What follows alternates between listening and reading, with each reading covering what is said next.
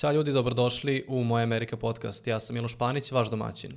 Na samom početku veliko hvala kompaniji CHL Logistics Inc. koja nam je ustupila prostor za snimanje. Ukoliko želite da podržite ovaj projekat jednokratnim donacijama putem Paypala, link za to se nalazi u opisu ove ili bilo koje druge epizode. A moj današnji gost je Nemanja Antić. Nemanju većina zna kao vlasnika military shopa, ali on je danas tu sa nama da pričamo o američkoj berzi. Nemanja, dobrodošao. Bolje te našao, Miloše. Drago mi da se tu danas sa nama ovaj, da pričamo o američkoj berzi. Tako da ovaj, pre što krenemo na taj deo, tebi ti pitam uopšteno za ulaganje u Srbiji i da kažem neka berza u Srbiji. Kako to funkcioniše i... Pazite, Republika Srbija nije u Evropskoj uniji, a nije ni deo Sjedinjenih američkih država, ali ipak nudi određeni broj mesta gde mogu da se ulože investicije, odnosno novac. Navešćemo neke od njih. Svi znamo za oročene bankarske depozite, mogu biti dinarski ili eurski, odnosno devizni. Oni su interesantni, pogotovo ovi dinarski, jer su kamatne stope tu godišnji 5 i 6, možda čak i 7% sada u ovom rastu kamatnih stopa. Oni su posebno interesantni jer, na primjer, do uloga u dinarima do 50.000 eura Republika Srbija vam garantuje. Znači, u slučaju propadanja te banke, u slučaju vašeg ulaganja u depozit, Republika Srbija vas refundi, refundira saključno sa kamatom. Takođe, država je dala još jedan stimulans na oročene dinarske depozite, ne plaća se nikakav porez na dinarsku kamatu. To je jedna od mera naše Republike Srbije, da se podstaknu ljudi koji inače štede, da štede u dinarima, otuda je i to tax free ulaganje, a otuda su i kamate na dinarske depozite 3, 4 ili čak 5 puta veće u odnosu na iste depozite u eurima u istoj banci u Srbiji. U zadnjih 10-11 godina ja sam pratio otprilike ako ste ulagali u dinarske depozite, zaradili biste nekih oko 70-80%, tako da ako oročavate kamatu, znači nije loše. Oročeni eurski depozit u Srbiji sada sa visokim kamatnim stopama vam nudi nekih od 1 do 2,5% kamate na godinu, dve ili tri godine, s tim što je ulagač u eurski depozit kažnjen, plaća porez od 15% na tu kamatu. Možda građani to ni ne primete, jer kad podignete, uvek vam se isplati neto kamata, onaj deo poreza do nominalne kamate vam se praktično obračuna vam banka i plati porez u vaše ime i za račun poreske uprave. U zadnjih deseta godina ja sam pratio da ste ulagali, da ste sve vreme bili ulagač eurskog depozita u najboljim bankama u Srbiji, znači za 10 godina biste dobili jedno 12-13%. To je sada 2023. godine. A ja se sećam kad sam ja oročio svoj prvi depozit, to je bilo u AIK banci, slagaću vas, osma ili deveta godina, tada je depozit u eurima bio godišnji 11%. Znači, Euribor i Libor, te kamatne stope su bile mnogo, mnogo, mnogo, mnogo veće. Onda smo, onda je usledio jedan veliki pad, došli su do nule, čak i negativne, sad su se polako digle od nula do 2%. Otuda su sad oročeni depoziti 1-2%. Osim toga, Imamo ulaganje u Srbiji u polise osiguranja, nije loše, vi ste mlad čovek, pa i ja sam mlad čovek, ovaj, da uložemo u polise osiguranja kao neka štednja u slučaju nekog, neke nezgode, povrede. Ako vam se ne desi nezgode ili povreda, te pare su svakako vaše. Zarade na polisama osiguranja, one se takođe mere nekim godišnjim prirastom, pošto to sve funkcioniše tako što vi kumulirate ta sredstva u, u nekom osiguranju u Srbiji, koje te pare dalje plasira u sigurne, kvalitetne finansijski instrumente, u tržišta novca, u državne obveznice, u obveznice država OECD-a, u obveznice Europske unije i tako dalje. Ali te zarade su svakako manje od kamata u depozitima, jer vas i osiguravaju u slučaju neke povrede. Pa su tu zarade prosečne godišnje od 0 do 3%, zavisi od, od perioda analize i od osiguranja u koje uložite. Osim toga, imamo i u Srbiji kao instrument za ulaganje takozvane penzije. Sad ovako malo glupo zvuči, evo ja imam 40 godina, pa i nisam baš za penziju, vi Miloše imate 20 godina da zaokružimo, tek vi niste za penziju, kažu moram da ulažem u penziju. Razlikujemo tri stuba penzije. Evo, vi ste zaposleni, na univerzitetu radite. Vi, prvi stup vaše penzije je ova zdravstveno, socijalno i sigurna plata. To je ona državna penzija koju dobijate u vašoj, recimo, 65. godini kad se penzionišete. To je prvi stup, prvo ulaganje. Drugo ulaganje u penzije bi bilo kad vaš poslodavac, bilo da je država ili da je privatna firma, za vas uplaćuje privatnu penziju, na primjer 1000 dinara mesečno ili 5000 dinara mesečno. Država je takođe podstakla te ulagače da to bude neoporezovano do nekog iznosa. Mislim da je sada za 2023. godinu do 8 ili 9 hiljada dinara mesečno neoporezovano ako vam poslodavac za vas privatno uplaćuje penziju. Naprimer, možete, državna je penzija, ali možete privatno da je uplaćujete Dunav penzija, eto, možemo i da ih pomenemo. Treći stup penzije jeste penzija koju ćete vi već sada sa 20, a ja sa 40 godina, sebi mesečno ili godišnje da uplaćujete u neki dobrovoljni penzijski fond. Ta akumulirana penziona sredstva imate pravo da podignete do vaše navršene 58. ili 63. godine, ovisno od dana kada ste počeli da ulažite. Ulažete uz neku uvećanu dobit koja bi bila 2, 3, 4% ili 0% godišnje, zavisi opet od ciklusa kako se novac bude kretao u odnosu na plasmane gde se bude plasirao. Osim toga, imate u Srbiji dostupna su vam ulaganja u obveznice kompanija na berzi, koje se na srpskoj berzi listiraju, a možete i obveznice Republike Srbije da ulažete. Dug Republike Srbije se listira na Bečkoj berzi u eurima i ako želite da pomognete svoju državu, slobodno kupite te obveznice Republike Srbije. Ja sam gledao pre dva meseca, čini mi se da je yield, odnosno ta zarada godišnja bila čak 8,5%, sad je možda pala na 6 ili na 5, ali može da se uhvati lepa godišnja zarada mnogo veća nego, i to je eurska, znači eurska, i za to vam garantuje Republika Srbija kao isplativac po dospeću. Eto, to nije interesantno. Osim tih tako možda konzervativnih tipova ulaganja na srpskom tržištu, imamo ulaganje u otvorene investicione fondove i u zatvorene investicione fondove. Otvoreni fondovi imaju svoju investicijnu jedinicu, vi je kupujete, fondom upravljaju brokeri ili menadžeri ili portfolio menadžeri koji vaša sredstva dalje plasiraju na srpsku berzu, na lokalne berze, na američku berzu, uzimaju deo svoje provizije, isplaćuju svoje menadžerske plate i vama se repatricira deo profita nazad. Znači, ulaganje u otvoreni investiciju fond nije loše, to vam je praktično kao ulaganje novca na berzu preko posrednika. To su ti otvoreni fondovi i vi svaki dan možete da vidite koliko vredi ta jedna vaša akcija u fondu, odnosno oni je zovu investiciona jedinica, da li vredi 1000 dinara, 1000 i po i tako dalje.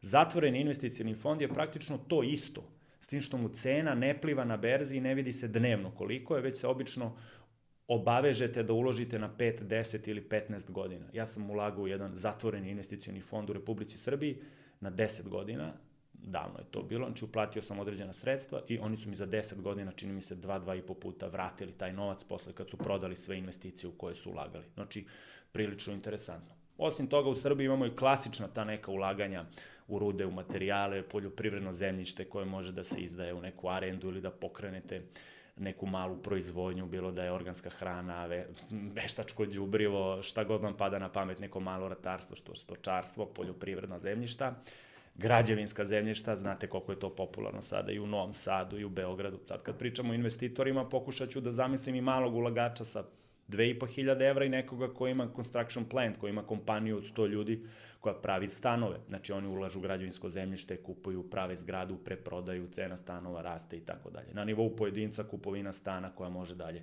da se rentira, da se ostavlja u nasledstvo, da se pravi biznis, da se rentira biznis, da se svoj biznis useliš u svoj stan, u mini studio, to je sad, mislim, taj hit je došao sa zapada, male programerske firme, konsultantske, marketiške agencije, oni su svi zakupci, ovaj, da kažemo, stanova koji su pretvoreni u kancelarije, u office space, open space tako dalje. E sada, ulagati u stanove i u zemljište u Srbiji, da kažem, to je interesantno, ali ipak ja bi malo tu priču proširio. Uh, ogroman broj ljudi ne vidi berzu kao mesto za ulaganje. Pa ćemo pomenuti Beogradsku berzu, mi imamo i robnu berzu i Beogradsku berzu, belex.rs, to je Bel Belgrade Exchange. Doduše, ona ni, nije ni nalik na Zetri, nije ni nalik američkim berzama, tokijskoj berzi. Ima određene svoje akcije, ima taj Belex 15 indeks najboljih kompanija i ovaj, ja sam bio ulagač i broker sam, naravno, ovaj dugih možda 15-16 godina i svega sam se tu uh, nagledao bilo i padova i rastova. U svakom slučaju srpska berza, ona je nastala onako ne baš generički kao američka, više po nekoj državnoj regulativi, ogrom broj tih državnih kompanija je uveden i ulistiran u berze čisto da bi bio tamo. A pravo ono prikupljanje kapitala na našoj berzi se praktično i ne dešava. Postoji dve, tri jakve firme ne znam, Gazprom, NIS, odnosno NIS, Aerodrom i tako dalje, koji isplaćuju te neke dividende, Fintel od Kostića odavde, vi ga znate sigurno, iz Crvenke ste, ovaj, koji su na srpskoj berzi, ali te kompanije možemo na 10-20 prstiju da nabrojimo. Znači, to bi bila ta srpska berza. Iako ona pokriva i mnogo više kompanija koje nemaju tu neku likvidnost, nemaju tu dubinu tržišta, fluktacije su velike i tako dalje. Tako da bi, da bi pff, za ljude koji žele da ulažu u berze, ipak bi ja pogledao u Evropu i na Wall Street. E sada, hajde da vidimo što se tiče američkih berzi. Kažemo, ulažemo u nekretnine, odlično. Ulažemo u zemljište, odlično. ulažem u zlato. Odlično. Sve to možete da kupite na američkoj berzi preko kompanija koje se bave time. Pa sad bih vam nabrojao, pošto ogroman broj ljudi, na primer, hartije od vrednosti, odnosno akcije, oni ih zovu hartije ili akcije bez vrednosti, kao za njih nemaju nikakvu vrednost. Ali vidite jednu stvar, Miloš. Zamislite da kupujete stan u Novom Sadu za 50.000 evra. I kao to ti je sigurno, jer kao ti ćeš tu sada da imaš stan, pa kao možda ga rentiraš, možeš da živiš U ostalom, cena stanova stalno raste, jel tako? Pa onda imaćeš i neki lukrativni ovaj moment ka tome. Međutim, ja vam kažem, pa Miloše, ako kupiš stan u Srbiji, vezan si za Srbiju, vezan, vezan si za kreditni rating Srbije, vezan si za populaciju Srbije, vezan si za prosečnu platu u Srbiji i za mnogo toga, pošto ti je to fizička lokacija. Ako si, ako si ljubitelj real estate ili nekretnina, evo idite na američku berzu, tamo kupite ne E, akciju koju ćete da izvučete iz šešira, već kupite akciju koja u svom portfelju ima, na primer, 6000 nekretnina koje izdaje. Znači, vi na taj način praktično možete da ulažete u real estate u Americi, gde vam je splitovano ulaganje na nekretnine koje su listirane i pozicionirane što na američkoj berzi, što na američkom tržištu. Znači, ako ste ljubitelj real estate-a, uradite diversifikovani portfolio. Amerika svakako ima stabilnije tržište od ovog našeg lokalnog. Evo, na primjer, izdvojio bi nekoliko firmi, čuvena, čuvena firma u Americi, njen simbol je O, Realty Income, oni 50 godina isplaćuju dividende, imaju ogroman track rekord u tom isplaćivanju dividendi. 600 puta za redom su do sada akcionarima isplaćivali dividende. Oni su poznati po tome ovaj, što svakog meseca pomalo povećavaju dividende. Oni u svom zakupu, odnosno pod rentom, imaju, pazite ovo, 6500 lokala, stanova, zgrada, kancelarija koje iz, izdaju od istočne, centralne do zapadne obale Amerike. Za mene je mnogo bolje imati ulaganje u taj Real Estate Investment uh, Trust, odnosno fond, Omega Healthcare, Omega re, ovaj, Realty Income na američkoj berzi, raste mu cena kroz vreme, postoje 50-60 godina, jedan su od najvećih e, nekretninskih fondova u Americi, isplaćuju redovne mesečne dividende, a posluju na tržištu koje je rastuće što se tiče populacije. Vi sami znate koliki broj i naših građana i građana iz Evrope, iz Latinske Amerike, ide iz Kine, baš ide u Ameriku i populacija te Amerike ovaj, stalno raste, raste, raste. To ide u prilog svim tim ovaj, real estate biznisima. Oni to rentiraju, a renta je poznata po tome da prati inflaciju. Što znači i u slučaju inflacije, rente se povećavaju i vama se vraća inflatorno uvećana dividenda. Tako da vam ona čuva pushing power parity, taj real thing. Još jedan investicioni trust u Americi, OHIMO je simbol, Omega Healthcare Industries, oni se takođe bave real estateom, samo rade sa bolnicima, nursingom, healthcareom, aging populacijom, pošto američka populacija, nekih 340 miliona je ogromna, oni imaju jake dividende, na primjer 9%, isplaćuju ih, ja isto mislim na mesečno ili na 3 meseca, kako koje godine. Uh, bave se menadžmentom tih bolnica i ustanova za stare i imaju ogroman broj zakupaca u Americi, mislim i u Kanadi, u Engleskoj i u Evropi. Cena te jedne akcije 29 dolara, ja sam juče gledao cenu u petak, što znači ne možete da, ne trebaju vam kamioni, avioni, ne trebaju vam nekih stotine, nekih, treba vam 29 dolara da postanete akcionar Omega Healthcare Industrija sad, pošto ogrom moj broj, izvestan broj mojih drugara kaže, pa ne mogu da ulažem, nemam ništa Pa dobro, jesi me prošle nedelje vodio na ručak od 3000 dinara? Pa kaže, jesam. Pa kupi jednu akciju Ohija, imaš dividende 9% i tako dalje. Osim toga, postoji još jedna, mislim, postoji gomila njih, ali ja sad neke bombastične primere bi, ovaj, kažem, nabroja u Americi. Njihov simbol je FRT, zovu se Federal Realty Investment. Oni su interesantni po tome što imaju preko 3000 zakupaca preko 3000 firmi i fizičkih lica njima svakog meseca uplaćuje rentu, oni tu rentu kolektuju, zadržavaju za svoje troškove i isplaćuju dividendu od nekih 4-5% svake godine. I oni su zadnje 54 isplatna perioda uspeli ovaj, da isplate tu dividendu bez prestanka. Što se tiče američkih tih investicionih fondova, taj Federal Realty Investment on je naj, e, da kažem, dugovečniji sa stažom, on najviše isplaćuje ti, te dividende. Njegova cena na berzi je za jednu akciju 111 dolara, znači rekao bih da je ovaj plativo. Eto, što se tiče nekog ulaganja u nekretnine, ja bi ja lično sam uradio investiciju sa nekim skromnim sredstvima, da kažem, u te neke investicione fondove u Americi, što je odlično i, i za mene i za Republiku Srbije, kasno možemo i o tome da pričamo. A da vidimo sada šta se dešava sa vašim pojedinačnim ulaganjem u Srbiji u real estate, u nekretninu. Pa evo ja bih samo nabrojao prvo imate porez na apsolutna prava. Ne kažem da to nekog treba da primam ili da odbije, ali masa ljudi kaže raste cena. Pa raste cena, ali evo sada pričamo malo o troškovima. Imate porez na apsolutna prava 2,5. Imate porez na imovinu 0,3-0,4% godišnji, pritom to je porez na imovinu ne po ceni po kojoj si ti kupio stan, već po ceni po kojoj porezka uprava proceni da tvoj stan vredi. Što u praksi može da se desi, ti kupiš stan za 50.000 eura. Međutim, izađe porezki inspektor i za potrebe određivanja tvog poreza na imovinu kaže, ubre, lepa lokacija, ovo vredi 250.000 eura. I naplatiti godišnji porez na imovinu ne na cenu koju si ti kupio, već na pet puta uvećanu. Ljudima se to masovno dešava i pri uvozu polovnih automobila, a sada u ovoj, ovom rastu, inflatornom rastu cene nekretnina, dešava se i sa cenom kvadrata. Znači, plaćat ćete porez na apsolutna prava 2,5. Kad prodajete, imate porez od 15% ako je prodajete nekad na onu kapitalnu dobit. Imate taj porez na imovinu 0,3, 0,4%, zavisi da ste vlasnik kao fizičko lice ili ste kao firma, da li živite u njemu ili ne živite. Pa šta da radiš? U redu je da kupiš jedan stan da živiš, ali recimo sada da gledamo nekretnine kao biznis. Trebaju vam neki zakupci. U redu, došli su nam stranci, Rusi, Amerikanci, ali to će da prođe, mogu da vam unište stan. Imate amortizaciju, imate poplavu, imate zamenu, imate krečenje, imate troškove iseljavanja podstanara, imate troškove traženja podstanara. Drugo, ti kad imaš nekretninu, pa nije ona perpet, finansijski perpetuum mobile, Miloše, ti moraš da ideš kod nje, moraš da je obilaziš, moraš da paziš. Ja imam neke prijatelji, izdaju stanove, oni na 15 dana idu, sedaju u kola i to kontroliš. Rako, ljudi, kako vas ne boli glava da toliko idete. Imate amortizaciju.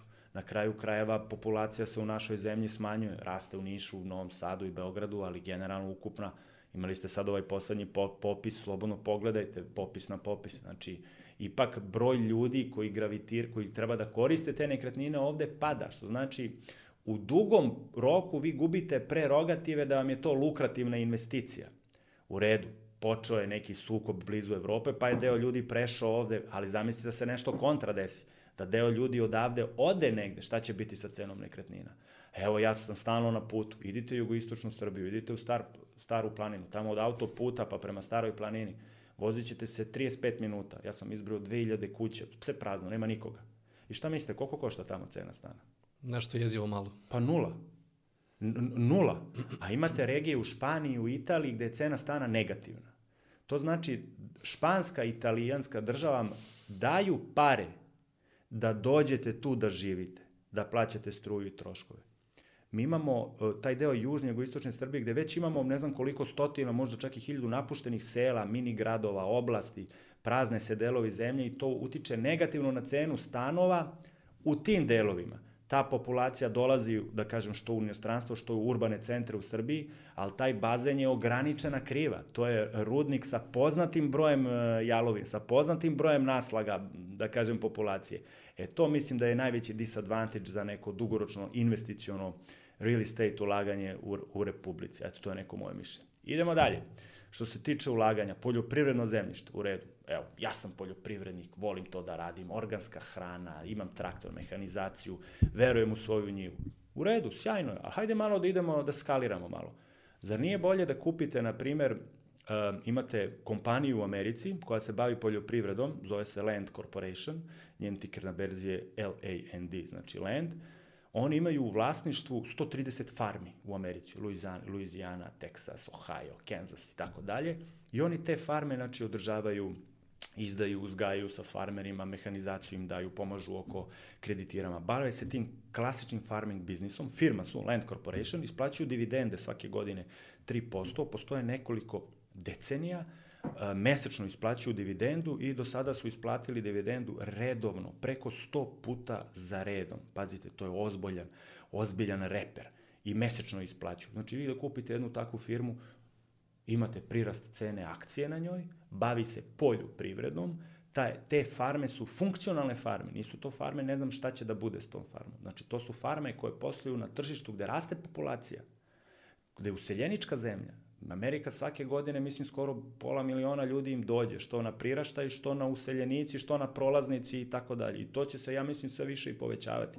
A ove farme proizvode hranu za te ljude, što je odličan, odlična win-win strategija. Znači, vi za male pare možete da kupite na berzi cena te land, te land firme, odnosno Land Corporationa, košta oko 2000 dinara. Ja se nadam da vi i ja možemo da izdujemo po, po hiljadu, da kupimo po pola akcije, po jednu akciju i da budemo dugoročni investitori, imamo dividendu 3-4% i prirast cene kroz kapitalnu dobit. Mislim da bi to bilo baš interesantno. Takođe, kada vam isplate dividendu, ona je ona nije tax free, već vi dobijete neto, a broker vam je platio i obračuno porez za vas. A što se tiče kapitalne dobiti na razliku u ceni akcije, ona se posle 10 godina ni ne plaća u skladu sa zakonom u Republici Srbiji. Što znači ako kupite neku akciju na berzi, bilo na srpskoj, nemačkoj, ruskoj ili američkoj, posle 10 godina vlasništva na tom akcijom, kad je prodate, oslobođeni ste i tog poreza na kapitalnu dobit, što mislim da je sjajna prilika. Eto, izdvojio bi tu firmu sa američke berze. Sledeći vid ulaganja bi bilo u neke zlato, svi kažu kupuj zlato, kriza, jure me ljudi po Beogradu, kupuj poluge, one male karat barove, petogramce, šestogramce, dvajstogramce, sve je to legitimno, to postoji, idi u zlataru, lomljeno zlato, kupujte futurese na zlatu, svašta nešto pričaju o zlatu. E, ja da bi izbegao, na primjer, ta ulaganja iz ruke u ruku, da mi ti daš zlato, ja tebi pare, da idem po nekim menjačnicama koje se bave zalogama zlata, Ja sam ovaj, uradio analizu i našao jednu ozbiljnu firmu na američkoj berzi koja je praktično u Torontu, ono iz Kanade, ali se listira na američkoj berzi. Gold Barrick se zove, njen tiker na berzi je Gold. Oni imaju rudnike zlata. Rudnike zlata. Imaju, takođe su organizovani kao fond, kao fond firma koja rovari zlato, kopa rudu zlata, prodaje ga i isplaćuje dividende svojim akcionarima 3% godišnje, svake godine postoje nekoliko decenija na berzi, kao firma postoje mnogo više, ali na berzi su tek toliko, uh, i takođe imaju značajan prirast cene akcija kako raste cena zlata. Na taj način vi praktično možete nekako uh, čistije, bezbolnije, pametnije da plasirate novac ako opet želite da ulažete zlato. Na kraju krajeva vi te akcije možete u svakom trenutku da prodate A kad imaš fizičko zlato, ti da bi ga prodao, ti moraš da juriš nekoga. Da, I drugo, koje, ti kad prodaješ zlato, koja je cena po kojoj prodaješ? Ako ti treba za sutra, ako ti treba za prek sutra, po kojoj ceni ti možeš jednu malu polugu od 20 grama zlata da uložiš? Nisam siguran da će to biti po ceni po kojoj si kupio, čak i da je cena zlata skočila. Ali ako imate hartiju od vrednosti firme koja ima rudnik zlata, koja ima veliku likvidnost kao što ovaj Gold Barik ima, mislim da ste tu u, poziv, u dobroj poziciji, jer prira, kako raste cena zlata, raste cena te akcije, imate i dividendu i u slučaju nužde, a stani pani, prod, možete da prodate te akcije. Znači, taj Gold Barrick, on ima rudnike zlata, sad ti kažeš pa rade u Americi. Imaju rudnike zlata Kanada, Amerika, obala Slonovače, Tanzanija, Mali, Čile, Zambija, Zimbabve, znači prilično su ovaj napravili balansirani taj neki portfolio rudnika zlata, mi imamo rudnik zlata u Boru, prodat je kinezima, sve legitimno, ne možemo da kupimo, mislim, to nije na berzi, ali ovaj gold barik, ovaj da kažem, vi kad postanete akcionar te firme, vi, vi, vi, to je vaša firma. Vi praktično plasirate novac iz Srbije sa idejom da vam se novac vrati uvećan u Srbiju, što je velika stvar, treba to ovaj, napomenuti. Eto, pomenuo bi tu gold firmu za sve ljubitelje zlata, srebra, redkih metala. Pazite sada, Sledeća grupa e, kompanija, odnosno roba koje su jako interesantne za ulaganje jesu naftaši. Gas business, oil business. Mi ovde fizički ne možemo sada da kupimo gorivo. Nekad se švercovalo iz Rumunije preko Dunava, 90-ih, svi su radili to gorivo po ulicama, ti si možda mlađi, ali ja se sećam, redovi, kante, bukvalno je cela ekonomija ovaj, radila na te crne kanistere jedno vreme. Međutim, vi sada kao fizičko lice kod nas nemate neku opciju da kupite kao naftu pa da zaradiš na nafti. Možda da imaš kompaniju, možda imaš firmu, možda da imaš... Evo, vi kod nas imate tih peše slanaca pumpi, jel tako, koji žive od tog biznisa. Ali vi i ja kao pojedinac, mi ne možemo da kupimo tu naftu pa kao fizički, ne možemo legalno. E, možete, na primjer, na Belexu, na srpskoj berzi da kupite rusku, rusku srpsku firmu NIS, ona ima dividende, cena akcije im ide od 500, 1200, prati cenu nafte, isplaćuju neke dividende i tako dalje. Ali ja sam identifikovao nekoliko firmi koje su locirane na Severnoj Americi, znači na američkoj berzi.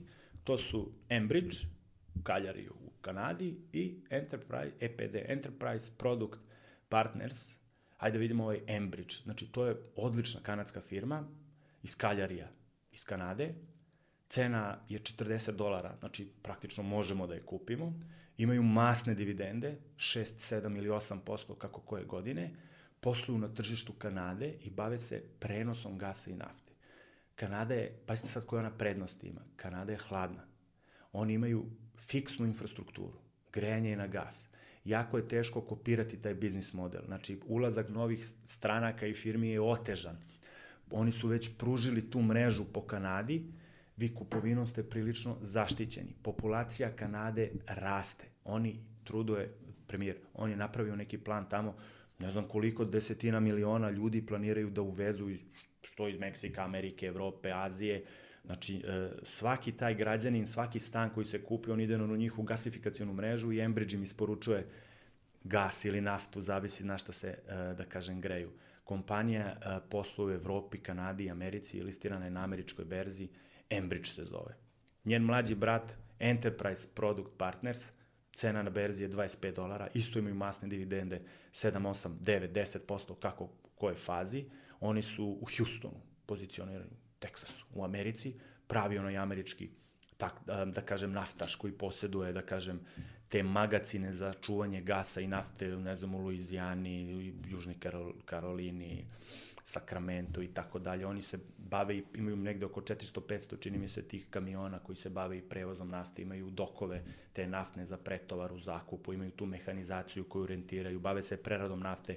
Teksas je jako bogat naftom, ima tih bušotina, oni tu naftu prerađuju pa je dalje transportuju. Na berzi koštaju 25 dolara, mislim da je dobra prilika, ne možete reći da nemate 2-3 hiljada dinara za jednu akciju. Dividenda je 7-8% kao što sam rekao, i kupovinom tog EPD-a imate sigurne dividende koji isplaćaju, čini mi se, ili kvartalno ili godišnje i imaju relativno stabilan prirast cene akcija kako cena nafte pla, pla, a, raste. Osim tih, nabrao bi neke klasike, neke perjanice naftnih industrija kao američki Chevron, British Petroleum, oni imaju, da kažem, dugu istoriju, nekoliko, možda čak 60-70 godina postoje, isplaćaju stabilne dividende. Uh, Total, francuski, Royal Dutch Shell, holandsko-britanska kompanija koja takođe ima jake dividende, sad su imali rekordan profit u ovoj naftnoj krizi za vreme i covid i sukoba u Evropi. Imate ruski Gazprom, koji do duše dobio jedan u jak udarac, delistirali su ga sa nemačke berze, ali i dalje na ruskoj berzi ovaj, može da se kupi. Oni su imali takođe masne dividende, od, čak sam jednom uspeo da vidim pre dve godine, da li oko 9,5% su izdavali dividendu te naftaške kompanije, znači Chevron, British Petroleum, Total, Shell, Exxon Mobil, Gazprom, one ne mogu da propadnu, one rade gas i naftu i to trenutno, to nema alternative. Ima ta električna energija, solarni paneli, fisija, sve to postoji, ali ogroman deo planete i dalje konzumira tu naftu. Ugalj se jako smanjuje, ali i dalje nismo našli način kako velike mašine da pokrenemo, velike potrošače bez te nafte i imaju u nekim ogromnim količinama. Eto, oni isplaćuju dividende ovisno od godine, znači tih 5-6 naftnih kompanija od 3 do 8%, mislim da je to ovako prilično interesantno. Jel imate nešto da pitate, Miloš? Što se toga tiče, ne sam već prešao na, na glavnu stvar, otkud, na, otkud ti na američkoj berzi? Kako je došlo do toga, koliko da. si vidio godina tu? Da, iskustva neka odatle, pa ćemo posle preći na neke tehničke stvari oko mhm. kupovine mm -hmm. i svega toga. Pazite, Miloše, ja nisam Amerikanac, ja sam završio ekonomiju na Ekofu, državni ekonomski fakultet, baš smo pričali o njemu malo pre, i tamo ima dosta predmeta koji vas mogu uvesti u berzansko poslovanje, koji vas mogu ostrastiti, pa sam i ja pošao tim nekim putem 2001. druge godine, počeo sam da pratim tu američku berzu i lokalnu berzu i, da kažem, evropske berze. I onda čim sam došao do neke zarade, to prva plata, ja sam otišao kod brokera, otvorio račun, otišao u banku, otvorio namenski račun i počeo da kupujem nešto, šta sam znao tog vremena, znači malo skromno, ali je mnogo bitno. Počeo sam da pratim akcionarstvo, počeo sam da, počeo sam da sagledam sebe kao vlasnika tih kompanija, počeo sam da vidim, da čitam te knjige, tu analitiku, pa sam se kasnije, posle završene ekonomije, licencirao kao broker, položio CFA 1, završio MBA iz financija, sve da bi mogo da pratim američku berzu. Pominjem američku berzu ne zato što sam neki fan Amerike, već jednostavno najveći, pretežno najveći promet novca na berzama je na američkom Wall Streetu. I kad kažemo na američkoj berzi, tu nisu samo američke kompanije. Na američkoj berzi su i evropske kompanije, i kanadske, i kineske, i Alibaba, i JD, i Pinduoduo, i francuske, i evropski automobili, svi ovi nemački, svi se listiraju na američkim berzama. Nije zabranjeno ni srpskim firmama, ali morate da ispunite određene kriterijume da biste se licencirali, odnosno upisali na neku od američkih paketa A, B, C, ili već tamo imaju različite te neke berze. Znači ja sam kroz obrazovanje došao u interesovanje za te berze, a kasnije kad sam malo finansijski i sa zaradom stao na noge, počeo sam neki manji deo novca od plate i da plasiram tamo. I radim to i dan danas. Tako da ja sam na berzi u Americi e, iz tog razloga, a sad već malo sistematičnije na to gledam. Takođe, evo ovako, dosta ljudi traži neke savete, preguglava. Imate na listu Beogradske berze spisak brokera, srpskih 15, 16, koji su brokersko-dilerska društva i preko njih možete da kupujete sve akcije. Pozovete ih, telefonirate, imate ovde u Novom Sadu Momentum, imate MN2, Kostićev, imate banke, rade kao brokeri, da nikog ne pominjamo, nikakav problem nije. Javite se, otvorite brokerski račun, otvorite račun u banci i posle ispostavljate naloge preko brokera. Znači, moguće je to iz Srbije raditi. Pa bolje da mi Srbi budemo vlasnici tih akcija nego neki Česi, Slovaci ili Danci. Meni to tako ovaj deluje. Imaju dve grupe akcija u američkoj berzi, ovako koje bi naveo, ovde su našim domaćim investitorima potpuno ovaj promakle. Oni ih zovu generičkim imenima, uh, to su dividendaši, zovu ih dividend aristokrats i dividend kings, znači kraljevi dividendi i aristokrate dividendi. Pa ja bih sad rekao koje su to kompanije i šta rade, ukratko, naravno. Znači, te aristokrate američke, znači uslov je da budete dividend aristokrats, da, ste, da je vaša firma ulistirana u indeks S&P 500 i da 20 godina za redom isplaćujete dividendu za redom.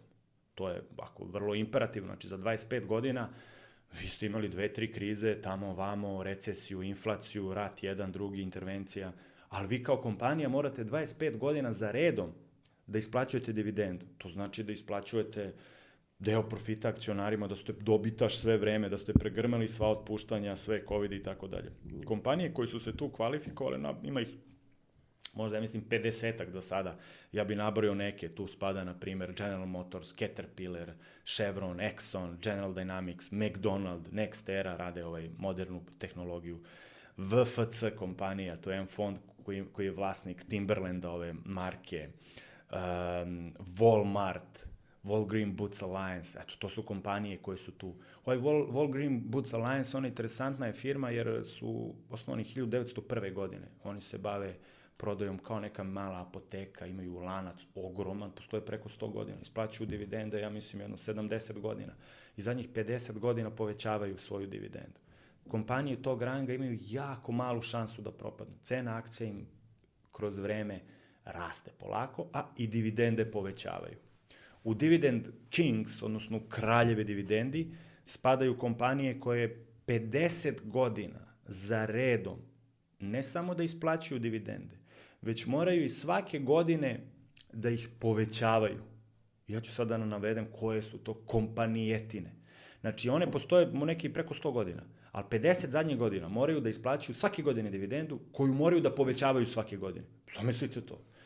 Sigurno ste čuli za Coca-Cola, Čuli ste za Procter Gamble, oni prave gomilu nekih šampona kaladonata. Čuli ste, na primer, za Colgate Palmolive, je li tako? Ču, prave kaladonate. Ču, I gomilu drugih stvari. Čuli ste za Johnson Johnson, je li tako?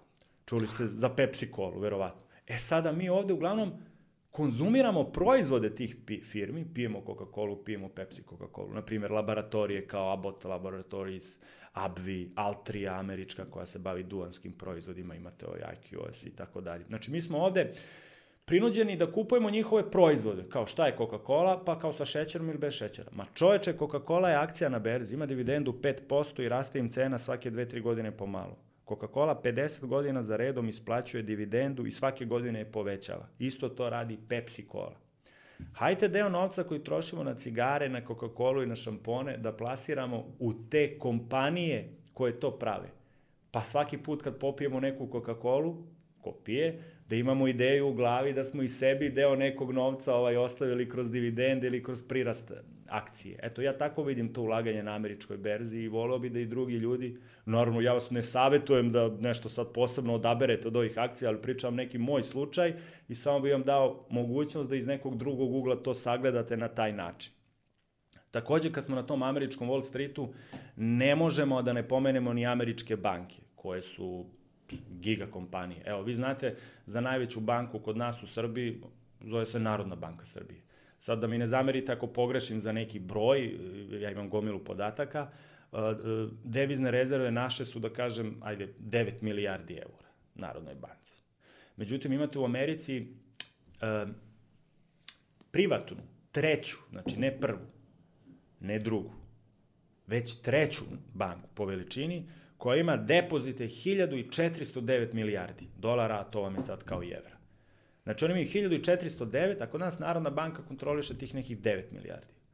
Hoću da napravim upoređivanje našeg tržišta novca i te novčane mase sa nečim što se zove američka berza i američke banke. Tamo top 5 banaka su JP Morgan, Citibanka, Wells Fargo, American Express, Bank of America. I to su banke koje su ono kao too big to fail.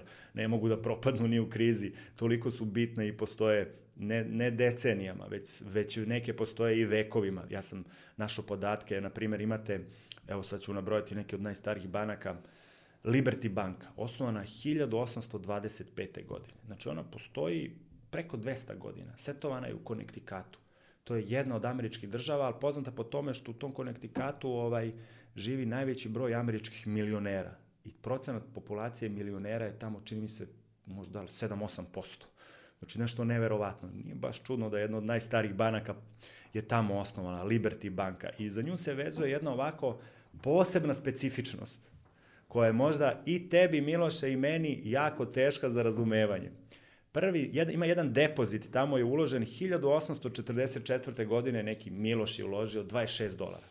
1844. I nije diro. I onda se to nasleđivalo njegovog dete, sin, unuka i tako dalje.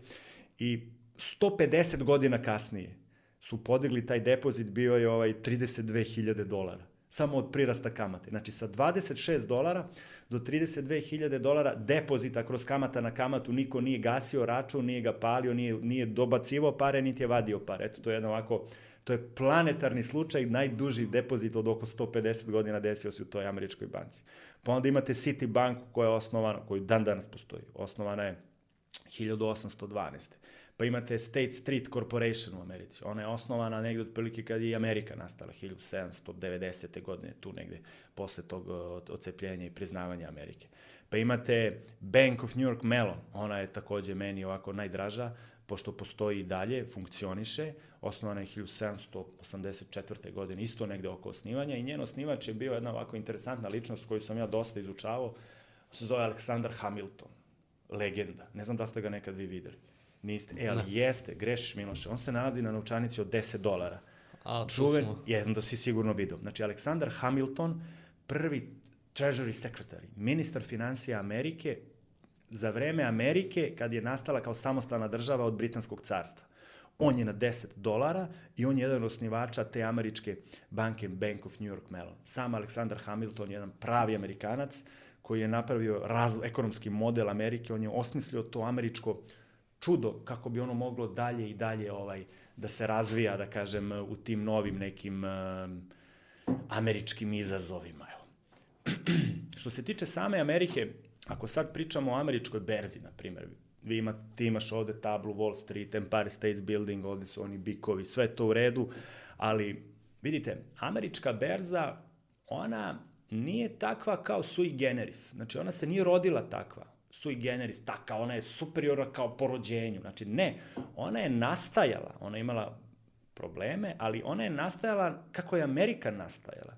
Ja bih vam sada u par rečenica ispričao tu, kažemo, istoriju Amerike, pošto ona postoji svega nekih 240-50 godina. Evo, pratite me sada. Znači, uh, Amerika se prvo širila dolaskom evropskih kolonista, pre svega britanske krune, španaca, i ovih, da kažem, francuza i engleza, kasnije su Nemci dolazili. Čistili su one starosedeoci, indijance, sabijali su ih sa istoka na zapad, to je prvi, prvi udar širenja. Zatim je počeo rat za nezavisnost. protiv britanske krune. Krvav rat, dugo je trajao, nekoliko godina. I, gle, oni slave 4. jula dan nezavisnosti. 1776. oni su se odcepili i proglasili su ovaj svoju samostalnost. To je, znači, pre 230-40 godina. Panamskim mirom između Amerike, Engleske, Francuske i Španije priznata je Amerika od tada međunarodnih sila. Pametni Amerikanci, oni su odmah uradili popis stanovništva te godine, godinu dana kasnije, na prvom popisu Amerike, 1779. godine. 4 miliona Amerikanaca je popisano. To je tada bila jedna polovina jednog procenta populacije. Znači 4 miliona, tipa manji su bili od Srbije, šest puta manji od Jugoslavije. Tada. Rusija koja je bila carevina, ona je vjerojatno imala, ja ne znam, ali vjerojatno imala desetak puta više stanovnika. E, tako nastaje to američko čudo. Znači, od 4 miliona stanovnika. Znači, nije to sui generis imperija, to je imperija koja se razvijala od 4 miliona. Jel me razumete? Rat za nezavisnost se desio. 90 godina kasnije, 1864. počinje još jedan krvavi rat u Americi. Zove se građanski rat. Između severa, koji su oni kasnije prozvali bogati sever, i jug, koji su kasnije prozvali siromašni jug. Iako je za vreme Commonwealtha obratno bilo, bogat je bio jug zbog pamuka, robova, ruda, sirovina i luka, a sever je bio siromašni. Ali onda kako industrializacija rasla, tehnologija, mašinerija, industriji, fabrike, topovi, tenkovi, puške, vinče, to sve na severu bilo. I onda su se praktično ove južne zemlje, konfederacija, sa Lijem kao generalom, Amerikancom, došli u sukob, nisu hteli ovaj da se odreknu ni robovlasništva, ni pamuka, ni tog modela poljoprivrednog gazdinsko robovlasničkog. Došlo je do krvog građanskog rata gde su izgubili nekih oko 600-700 hiljada stanovnika. To je stravičan, da kažem, bio sukob koji se ovako u Evropi se ne izučava, nije toliko bitan, nama je to nešto udaljeno, ali oni to jako dobro pamte. I oni su se, da kažem, e, pobedom severa ujedinile su se te južne zemlje, što voljno, što preko nekog kongresa, što preko vojne sile. Znači, to je još jedno širenje Sjedinjenih američkih država. General Grant, dolaze prvi predsednici, ne znam, Lincoln, Washington i tako dalje. Hamilton preuzima upravu razvoja i tako dalje. Idemo dalje, nije kraj. Kako se, znači, ovo je sve uvertira za berzu. Idemo dalje. Znači, još uvijek smo u 1864. godine. Šta se dalje dešava? Čuli ste za Luizijanu. E, tadašnja Luizijana je bila 4-5 puta veća od današnje Luizijane, to je francuska kolonija u Americi. I Amerikanci su kupili Luizijanu 1803. godine. Preko kredita, preko jedne čuvene Barings banke. Čuvena, znači, naj, najveća banka sveta je bila Barings banka, koja više ne postoji. Ima jedan interesantan film o Barings banki, Rogue Trader se zove sa Nikom Lesonom. To je istorijska priča, savjetujem svima da pogledaju. Rogue Trader se zove. Znači, ta banka je finansirala kupovinu Luizijane od Francuza preko strane Amerikanaca i to je za nekih 25-6 miliona dolara kupljeno. Dalje, od carske Rusije su kupili Aljasku za 7 miliona dolara. Još jedno veliko proširenje. Pa su onda u ratu sa Meksikom uzeli Južnu Kaliforniju, Novi Meksiko, Arizonu, Teksas. Pa su porazili Špance za Porto Riko, Floridu i, zbog, i na Kubi takođe. Pa su onda, okup, ajde da kažem, naselili, preuzeli i prisjedinili Havaje i tako dalje. To su sve neke američke teritorijalne ekspanzije gde su oni brzo uspostavljali svoj pretešno važeći američki model rasta koji je doveo do jednog razvoja ekonomije i tako dalje. Federalne rezerve, čuvena banka, nastala je nešto kasnije. 1913. godine, čini mi se. Federalne rezerve danas kontroliše banke, štampa, novac i tako dalje. Znači, sad smo u Americi u nekoj godini 1864. samostalna je, da kažem, završen je rat, priz, priz, priznata je, kupila je Aljasku, kupila je, da kažem, Luizijanu, proširila se železnicama od dalekog, od dalekog istoka, New York, New Jersey, Boston, Washington, do daleki zapad, Seattle, drugi Washington, Kalifornija, San Jose, koli, kol, uh, ko, San Jose, San Francisco, Los Angeles i te južne države. Za, proterali su Meksikance do Rio, Rio Grande, Re, reka se zove Rio Grande, ali inače ma, mala je reka, da ne bude zabune.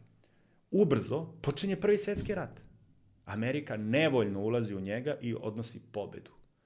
To je dalo njoj veliku odskočnu dasku za ukrupnjivanje kapitala američkih kompanija, političke moći. Po prvi put Amerika, koja je bila britanska kolonija, ulazi u Evropu i nameće svoju neku priču, nameće neku svoju istinu, name, nameće, neko, nameće neko svoje viđenje sveta. To je prvi svetski rat. Ušli su, pobedili su, vodili su ga, do duše ne na svom tlu, na evropskom tlu, ali su učestvovali. Dolazi drugi svetski rat. Znamo kako se sve završilo. Najveći, da kažem, neto pobednici tog rata su opet bili Amerikanci. Znači sad pratimo rast te sui generis američke imperije. Drugi svetski rat. Da isključim sad rat, pričamo o biznisu, ekonomiji i o berzama. 1944. Brenton Woods u Americi. Hajde sada, završili smo rat, pobedio je ko je pobedio, hajde da uredimo sada međunarodne odnose, hajde da uredimo sada valute. Funta je izgubila kao globalna valuta, dolar dobija. 44. godina. Sede svi predsednici iz celog sveta, i poraženi i pobeđeni u Americi. Dogovaraju se da naprave novi monetarni sistem, koji će se zvati dolarsko-zlatni konvertibilni monetarni sistem, gde važi zlatna poluga, odnosno zlatni standard, gde se količina dolara štampa u odnosu na koliko ima zlata u Americi. I to mora da važi kao fiksni odnos. I to je dosta dugo i poštovano. Samim tim, Amerika je nametnula svoju valutu kao glavnu valutu u Americi svakako, ali i u svim drugim zemljama kao rezervnu valutu, a svakako u svim zemljama kao valuta za trgovinu, za peglanje platnog bilansa. Znači, taj, ho, sad je nepo, pričat ću vam kasnije kako smo napustili taj standard, ali taj zlatni standard je postojao nekih da kažemo, 30 godina i poštovao se. Međutim, od 44. do 71. je bio zlatni standard. To je praktično značilo da vi imate 100 dolara na kome, osim što piše in God we believe, piše ovo je zamenljivo za zlato u bilo kojoj banci. Vi sa 100 dolara odete u banku i dobijete ne znam koliko unci ili grama zlata. Jedna unca je oko 30 grama zlata dobijete za, do, za dolar, za 100 dolara, za 1000 dolara. I to je stvarno tako funkcionisalo. Ljudi su bili opušteni, niko zlato nije držao, pošto, pošto je bilo nepraktično da se s njim trguje, da se čuva, ljudi su imali novčanice u dolarima, jer je bio zlatni standard, u svakom trenutku su dolar mogli da zamene u zlato. Međutim, kao neto useljenička zemlja, Amerika, prosečna plata raste, produktivnost raste, ljudi se useljavaju, ogrom broj evropljana od 44. posle drugog svetskog rata, Maršalov plan, Trumanova jaja i tako dalje, prelaze u Ameriku iz Evrope, iz Latinske Amerike, iz Meksika, pa iz Azije, ogrom broj Japanaca je po kapitulaciji Japana de facto se preselio i na Havaje i u zapadnu obalu Amerike, Washington, Kaliforniju, ne znam, Wyoming, te države tu, Seattle i tako dalje. E, i Amerika u jednom trenutku useljenička zemlja, a ima fiksnu valutu, koju ne može da štampa jer je vezana za zlato. Odnosno, može da je štampa, ali samo koliko ima zlata. A šta se desilo sa američkim zlatom? Počelo je da napušta Ameriku zbog problema u platnom bilansu, jer Amerika kao neto uvoznička zemlja robe je tu robu na kraju plaćala zlatom. Kome? Francuzima, Englezima, Rusima, Srbima, Mađarima. I ostajala je bez zlata. I onda su oni skapirali, čekaj, čekaj, ovo više ovako ne može. Nama nedostaje novca, naš platni bilans je u poremećaju, zato što smo mi najveći uvoznici robe i najveći potrošači robe.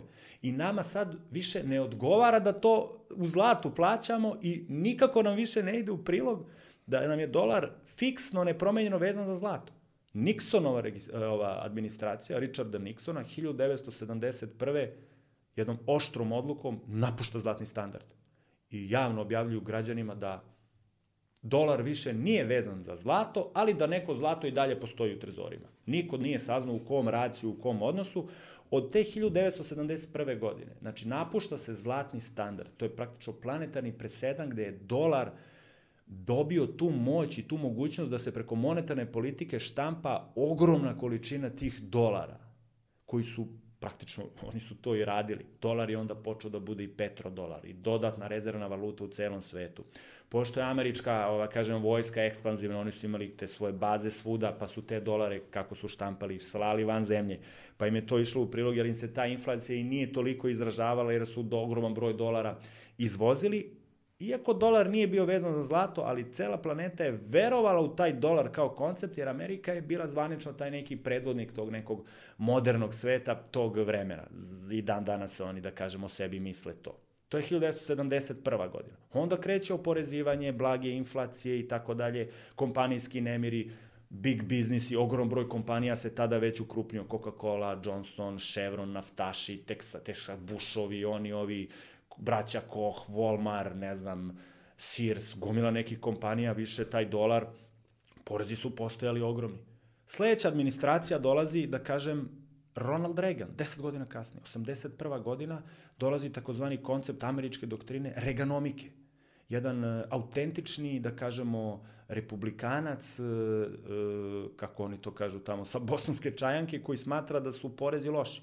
I marginalne poreze sa 70% ruši ih na 30% svojim predsedničkim prerogativima i kažu da je taj period bio jedan od najvećih blagostanja i uspona američke privrede kad su srušili, skinuli poreze bogatima. Malo ovako uvredljivo zvuči, ali praktično ako su, oni su, republikanci smatruju da ako više para ostane Milošu, Nikoli, Nemanji, da ćemo mi više ljudi da zaposlimo, više biznisa da pokrenemo. I ta regonomika upravo ona to i smatra.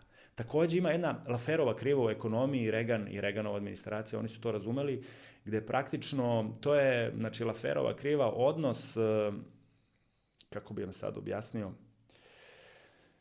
vezano za kolikad su, kolikad su poreske stope velike, da li ljudi plaćaju više ili manje porez. Ispostavilo se što su porezi veći, građani i privreda manje plaćaju poreze, jer se trude da ga preskoče, da ga zaobiđu, da ga utaje, da se nadiluju.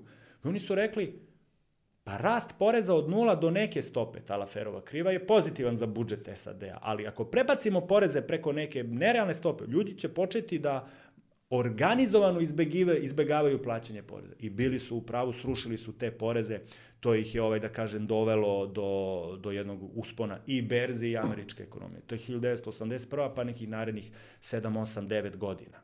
E, i onda se dolar e, neograničeno štampao praktično, poreza su bili, porezi su bili skinuti, pa onda dolazimo do jedne, do sledeće krive, Laferova kriva, javila se nezaposlenost u stvari Laferovu smo rekli, Filipova kriva, Filipsova kriva, koja meri količinu novca, štampanje novca, inflaciju i nezaposlenost. Da li nam monetarna banka, odnosno federalne rezerve i monetarna vlast mogu količinom novca da reše nezaposlenost, pa su radili razne eksperimente i tako dalje. Eto, sve to je dovelo do toga da imamo to američko, američko čudo i tu američku berzu koja dan danas nama pluža priliku da iz celog sveta kupujemo te akcije i vraćamo zaradu nama kroz neko vreme. Sad kad smo pojnuli taj deo kupovine akcije, kako mi odavde možemo kupiti te akcije? Znači, neko smo otvorit ćemo račun u banci, mhm. javiti se brokeru. Jeste. Da li taj broker za nas nešto kupuje mi kaže njemu je kupi mi mm -hmm. to, to, to i to ili mi možemo nešto sami da radimo? Kako da. to funkcioniše zapravo? E ovako, kupovina, kupovina akcija iz Srbije legalna je, uređena je zakonom, ne morate da se krijete. Bogu hvala, pa mi imamo nekoliko brokerskih kuća. Možete prvo da ih vidite na listu srpske berze na sajtu belex.rs pa da idete na članove berze i da vidite koji su brokeri, odnosno brokersko-dilerske kuće ulistirane tamo. Javite im se, potpišete ugovor o brokeridžu, oni vas pošalju u banku, treba mi custody banka da otvorite namenski račun za trgovanje hartijama od vrednosti i kasnije na taj račun uložite, na primjer, ajde da kažemo 1000 eura. Možete i 100 evra, ali ajde da kažemo 1000 evra. Kad uložite 1000 evra, vi ste sa vašim brokerom povezani e-mailom, SMS-om, Viberom ili telefonom možete da mu dajete naloge za kupovinu. Znači, potpišete ugovor sa brokerskom kućom, potpišete ugovor sa bankom, deponujete sredstva na banku i kažete u redu, dobar dan, kupite mi jednu akciju NISA, kupite mi jednu akciju uh, Volkswagena i oni kažu važi i dobijete izveštaj. Eto, vrlo jednostavno. Na mail dobijate potvrde o kupovini, potvrde o prodaji, dobijate izveštaj o dividendama, vrlo prilično i legalno i jednostavno, rekao bih. Da li, mi, da, da li moramo da pratimo mi ovako lično te neke da. rastih akcija, to jest da pratimo na berzi mm -hmm. na svakom dnevno, da li moramo pratiti ove te neke... Vidite, vi možete to da pratite, imate gomilu sajtova koji to omogućavaju, ne znam, CNBC, Bloomberg, sve brokerske naše kuće imaju sajtove na srpskom koji prate berze, prenose informacije, dosta materijala. Ja sam to uvek pratio jer me interesovalo a tehnički rečeno vi kad kupite neku akciju, na primer, ne znam, Gazprom, vi ne morate da pratite njihove day-to-day -day promene, njihove bilanse, možete jednom godišnje, može broker da vas javi, da, da vas dogovorite s brokerskom kućom, da vam javi kad je nešto bitno, kad je neka skupština akcionara ili kad se desio neki bitan događaj, ali možete da plasirate gomiru vremena u tu finansijsku analizu. Smatram da svako uloženo vreme u analizu finansijskih izveštaja vam povećava šansu da kupite bolju akciju eto, pošto to nije rulet gde vam čista sreća odlučuje, znači ima je nešto što se zove neka evaluacija, neka očekivana vrednost, neki poslovni planovi i tako dalje. Znači mi kad kupimo neku akciju, da skupimo akcije za neku vrednost tipa 1000 dolara, 1000 evra, mm -hmm. nije važno. Mi smo kupili to i recimo nađemo neke kompanije, kupili smo, kažem, akcije od kompanija koje imaju to koji isplaćuju dividende. Ja lično volim da kupim kompanije koje isplaćuju dividende jer onda znam da je ona 100% profitabilna. Pošto izvestan deo kompanija koje ne isplaćuju dividende često nemaju uopšte dobitak, već rade sa gubitkom a izvestan broj kompanija koje ne isplaćuje dividende prosto ima profit, ali ga stalno reinvestira u neki biznis. Naprimer, Alibaba je jedna od tih, ne isplaćuje dividende, ali reinvestira taj novac. S druge strane, neke američke kao Apple imaju dobit i isplaćuju neke baš male 0, nešto posto dividende.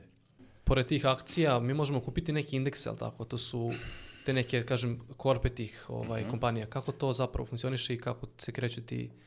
Da, pazite ovako, uh, indeks je, indeks neke berze reprezent te berze. U Srbiji je to Belex 15. On predstavlja 15 najboljih firmi na berzi u Srbiji. U Americi su to dva indeksa. Dow Jones, koji ima 30 premium kompanija u berzi i standard S&P 500, koji predstavlja 500 najboljih kompanija američke berze od nekih 10.000 ili ko zna koliko ih ima tamo listiranih. Sad ti kažeš da li da kupim Coca-Cola, da li da kupim Johnson Johnson's ili Chevron kompaniju. Pa evo ja kao sad nisam siguran. Hajde da kupimo indeks Dow Jones. Ima indeks da se kupi, DIA ili imaju svoje skraćenice. Kupiš indeks, na primjer, za 100 dolara ili za 1000 dolara u vrednosti toj i ti praktično kao da si uzao komad svake te akcije u indeksu. I na taj način cena tvog ulaganja ide kako te kompanije u korpi tog indeksa se ponašaju. Što znači neke će da budu dobitnici, neke će gubitnici i tebi se to saldira i uprosečuje i imaš indeksnu korpu. Ona je odlična jer praktično i, i ljude koji nisu neki stručnjaci, zaber, ne kažem da, da sam ja stručnjak, ali kupiš indeks i znači praktično kupio si 30 najboljih. Ili S&P kupio si 500 najboljih kompanija. Pa onda imaš 500 najboljih menadžera koji misle o svom biznisu, oni vam samo vraćaju vrednost kroz dividende i kroz rast akcijskog kapitala. A vi ste kupili indeks. Znači možete i kao nastavnik geografije da kupite indeks i kao profesorka srpskog. Možete i kao prevoznik i kao neki advokat, lekar. Ne morate uopšte da budete neki finansijski stručnjak ili bankar kao ne znam koju akciju da izaberem. Pa uzmi indeks. Ne znam koji indeks. Pa dobro, uzmi ova dva, tri najpoznatija. Kaže, a šta ako propadne neka firma u indeksu? Pa prvo ne može ni jedna da propadne za dan. A stano se dešava da neke firme ulaze u indeks, a neke izlaze iz indeksa. One koje su u indeksu, te imaju najmanju šansu da propadnu. Odnosno, u kratkom roku gotovo i da nemaju šansu da propadnu. Prosto to skoro ne može da se desi. Ne jedino da ih obrišeš gumicom sa planete, ali to se do sad za nekih preko 100 godina američke berze stvarno se nije desilo. Mislim da ta kupovina indeksa je odlična prilika To bi bilo vrlo slično ovom ulaganju otvorene i zatvorene investicione fondove u Srbiji, znači da kupite taj neki indeks američkih akcija ili evropskih akcija, na primjer. Imate i domaći indeks Bergs 15 sad. Možete da vidite kroz vreme koji je indeks koliku zaradu doneo. Da uradite poređenje prosto. Na primjer, zadnjih 10 godina zlato je poraslo 5% u ceni zlata i 20% u jačanju dolara. Depoziti su porasli, ajde kažemo 60-70%, obveznice 80% za 10 godina. američka berza je porasla, nekretnine su u Srbiji porasle nekih 80% za 10 godina. Američka berza, što zbog rasta indeksa, što zbog jačanja dolara, znači oko 170%, odnosno 270% za 10-11 godina. Znači, ne treba vam neko posebno znanje. Kupite indeks i samo čekate. Prosto dokupljujete i živite od tih dividendi. Ili ne živite i njih reinvestirate. Jednostavno, formirate to sebi kao neki autopilotski način razmišljanja da 2, 3, 4 hiljade dinara ko koliko ima, plasirate u neko ulaganje. Malo pre smo rekli da je investiranje u američku berzu iz Srbije moguće. Tako je. Ali sada da se dotaknemo teme poreza. Uh mhm. -huh. Šta ako recimo je sad dobijamo dividendi recimo 10.000 dolara godišnje? Da li uh -huh. ja mhm. moram državi da platim neki porez uh mhm. -huh. na to, da li moram otvarati neku firmu, da li to, kako to zapravo funkcioniše? E ovako, znači po zakonu u Srbiji možete akcije kupovati kao fizičko lice, ne treba vam firma. Znači potpišete ugovor sa brokerom i sa bankom, to olakšava, Ako vam neka firma isplati dividende 10.000 dolara, naravno to se oporezuje, 30% je porez na američke dividende, znači vi ćete neto dobiti 7.000 dolara, a tih 30 će broker za vas da uradi oporezivanje i uplatit će našoj republici porez, a vama se samo neto deo isplaćuje. Znači to je oporezovano na način da ne morate vi da predajete poresku prijavu, što je odlično, ne možete da zaboravite i tako dalje. I drugi deo poreza vam je ovaj porez na kapitalnu dobit 15%, ako, na primjer, kupite akciju danas pa je prodate za 3 godine, pa na tu razliku u ceni, ako akcija poraste, plaćate porez 15% i njega morate sami da podnesete PPDG 3 nešto, porez koji prijavi vašoj mesnoj Novom Sadu, Beogradu, Subotici i tako dalje. Ali ako držite akciju 10 godina ili indeks fond, oslobođeni ste tog ovaj poreza kao rezident Republike Srbije. Znači, sve je legalno.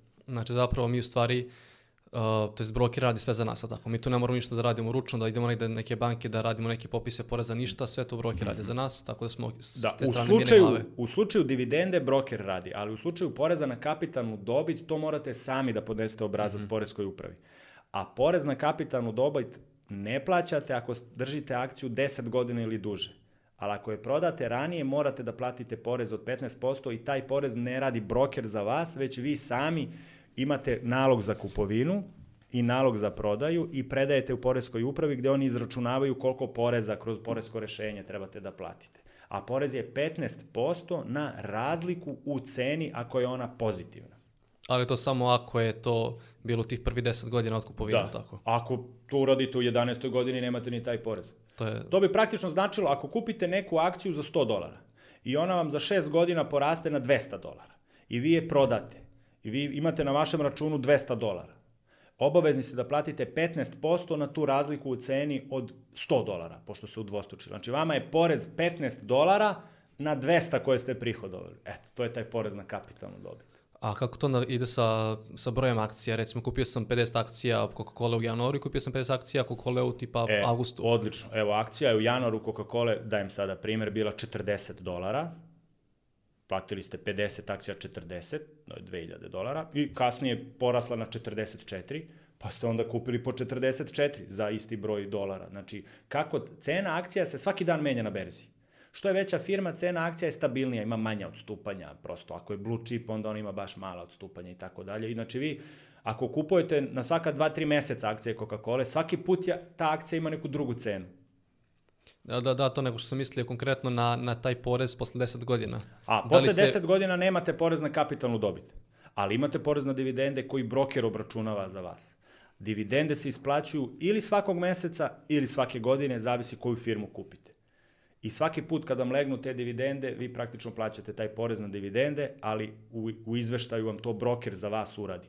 Kao na primjer, ako imate oročen eurski depozit u banci u Srbiji, vama kad isplate kamatu na kraju godine, to je neto kamata. I oni vam kažu dobili ste 35 evra.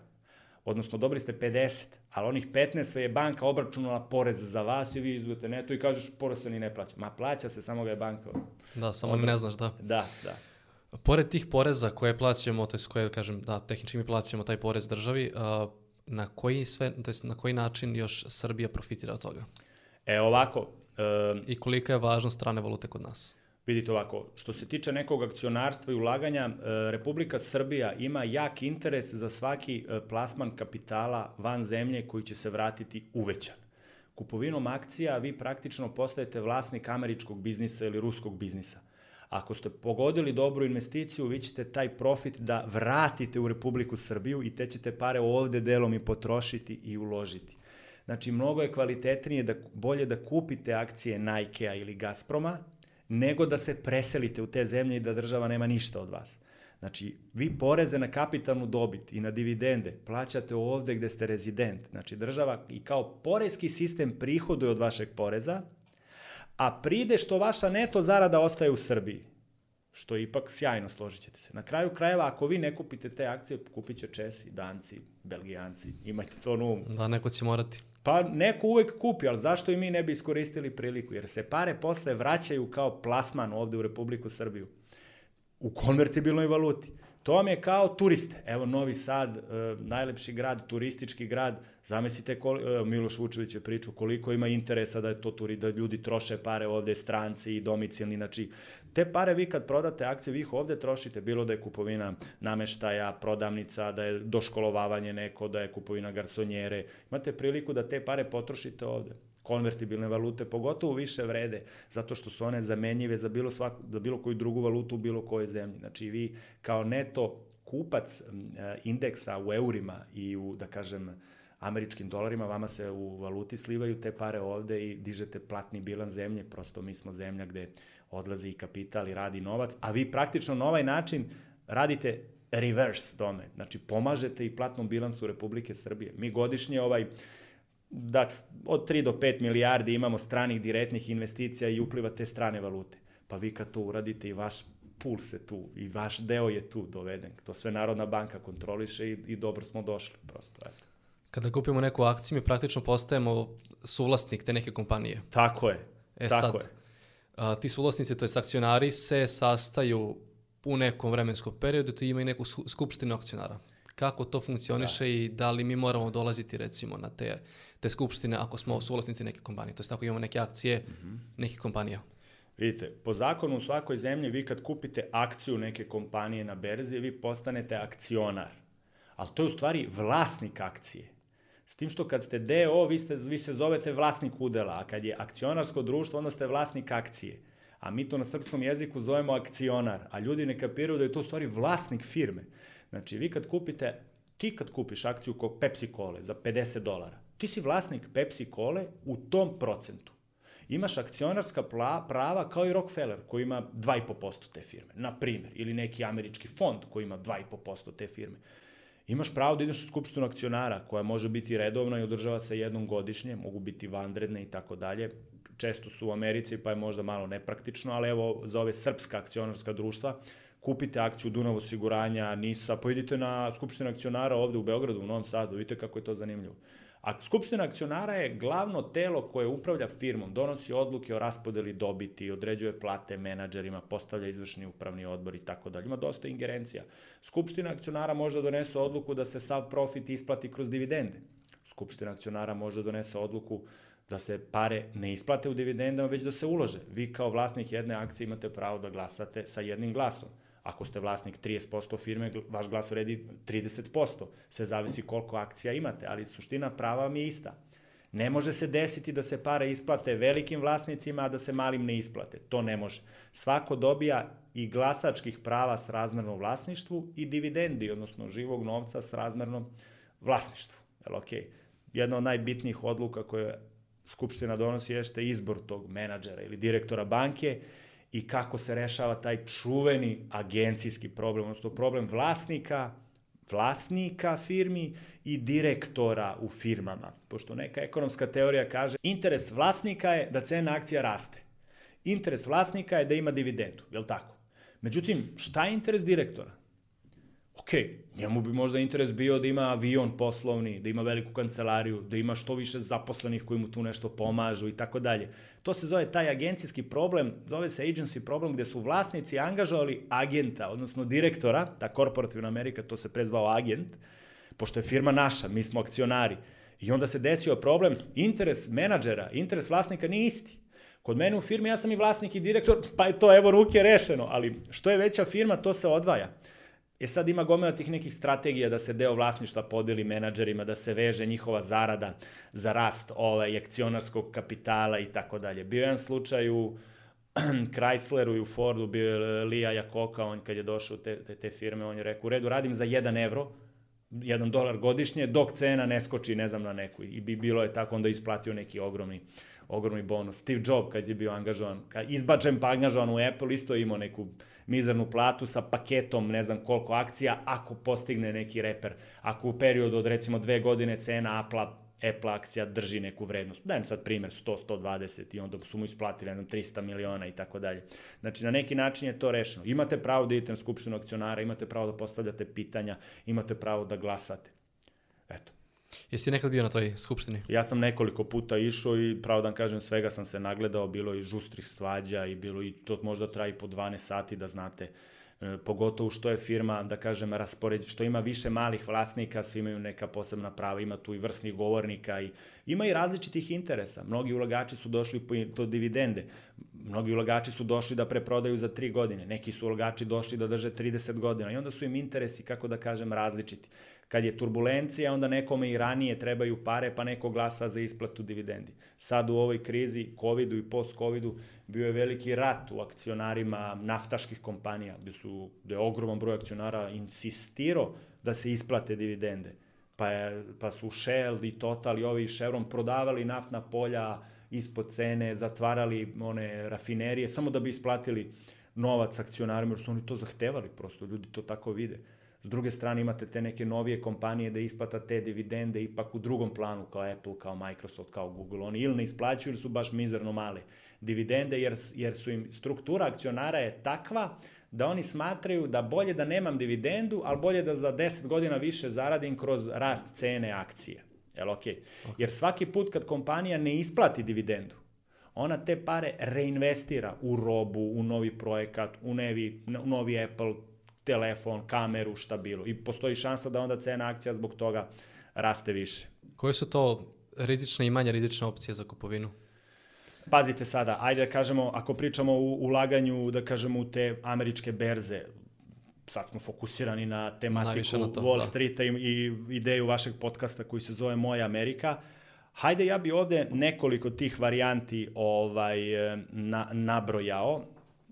E, najsigurnija su neka najdosadnije ulaganja. To bi upravo bili ovi Aristocrats Kings i Aristocrats uh, Kings Dividend i Aristocrat Dividend. Znači akcije kao 3M, Caterpillar, VBA, McDonald, Walmart, onda u aristokratama Johnson Johnson, Coca-Cola, Pepsi, Altria. Znači, one su prilično stabilne, imaju dividende, isplaćuju ih 30, 40, 50 godina i te kompanije su napravile, izgradile su Ameriku od Nixona, Regana, pa i na ovamo. Znači, oni nose taj američki duh, taj svet i oni isplaćuju stabilne dividende. Znači, ko neće da rizikuje, može njih da gleda. Osim njih imamo ove naftaše, Chevron, Total, Gazprom, British Petroleum i tako dalje Exxon, oni ova, isplaćuju masne dividende, rade u naftnom biznisu, svi su im korisnici, fizička lica, automobili, avioindustrija i tako dalje. Znači, to je neki krug tih koje ja vidim kao stabilna ulaganja. E sada, drugu klasu akcija, ako kažeš, pa dobro, ja bih hteo malo više da rizikujem. Evo, ti kažeš, Miloše, ti si mlad, ti možeš da rizikuješ više, možeš da bankrotiraš jednom, dva put, tri put. Ja možda mogu još jednom da bankrotiram, već sam se umorio od svojih promašaja. Ovaj, Imate te sad male kompanije, ja bih nabrao neke koji imaju mogućnost velikog skaliranja na gore u ceni e, akcije. Znači imate Arkit Quantum iz Engleske, oni se bave nanokompjuterima, kvantnim mašinama, to je jedna ekstremno nova ovaj, programerska firma, Arkit Quantum, koja razvija programe brzih računara, brzo, brza obrada podataka. Zatim imate u e-komercu i Umiju, nemačko-afrički projekat, i ECI američki, To su brzo rastuće kompanije, cene su im, Jumija je, ne znam, 2, 3, 4 dolara sada, a ECI je oko 140 dolara sada i imaju ogroman potencijal skaliranja na gore, možda ova Jumija čak može i nekoliko puta da skoči, ECI isto toliko. Rade e-commerce biznis, to je neka nova tehnologija, nove mogućnosti, nove prilike, ko možda želi da rizikuje, ja sam ih kupio za neke mala sredstva, čisto da vidim šta će se desiti. Takođe, ako želite baš da budete avangarda, imate akcije koje se bave veštačkom inteligencijom, kao Palantir, kao uh, Crowdhawk Holding, znači oni prave face recognitions programe za kontrolu granica, kontrolu terorizma, kontrolu građana, surveillance, nadzor, rade sa FBI-om, s CIA-om, sa državama, sa Europskom unijom, sa američkim, da kažem, službama, tim koje to koriste, Palan, Palantiri, um, Crowdhawk Holding kompanija, bave se razvojem softvera za veštačku inteligenciju. Isto izdvojio bi grupu akcija, To nije sigurno ulaganje, to je potencijalno rizično ulaganje. Firma se zove Nikola, firma se zove Tesla, firma se zove NIO, firma se zove Li Auto, dve su kineske, ove su američke, oni prave električne automobile. Možda je to novi televizor, možda je, to bila industrija televizora, hit bio. Možda je to sad nova autoindustrija, možda su to sad novi Henry Fordovi, ti električni automobili. Generalno, ja ih u Beogradu i u Novom Sadu nisam nešto video da ih ima ovaj, mnogo, možda će jednog dana svi da nosimo te, vozimo te električne automobile.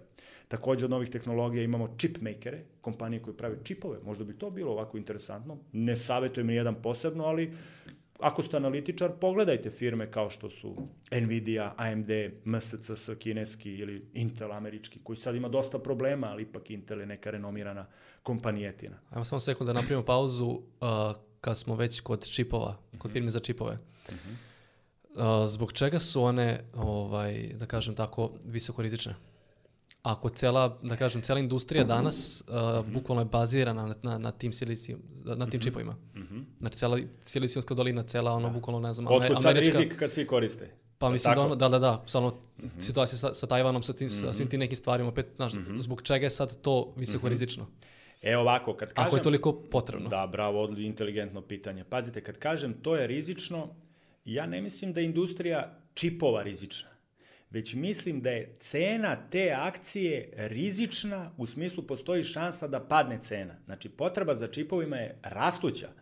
Da pojasnim, znači, ogroman broj tih čipova se pravi u Americi, ne znam, IBM, Intel. Sada je Intel jedini koji to radi u Americi, kao američka firma, sve je ovo prešlo, da kažemo, u MSCC, na tu kinesko-tajvansku kinesku kompaniju koja pravi čipove za ogroman broj firmi.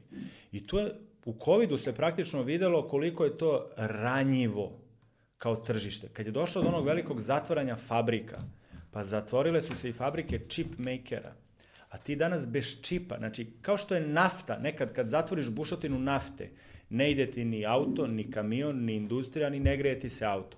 E danas kad zatvoriš fabriku čipa, bilo da je carinski rat između Trumpa i Xi Jinpinga, bilo da su COVID mere, bilo da su carinske barijere zbog rata između američke tehnologije i kineske tehnologije, bilo da je sukob zbog Tajvana gde se prave ogroman broj čipova u toj fabrici MSCS, znači dolazi do uskih grla. Zatvorena je fabrika, pre su proizvodili, da kažem, 1000 čipova dnevno, sada proizvode 30 čipova dnevno.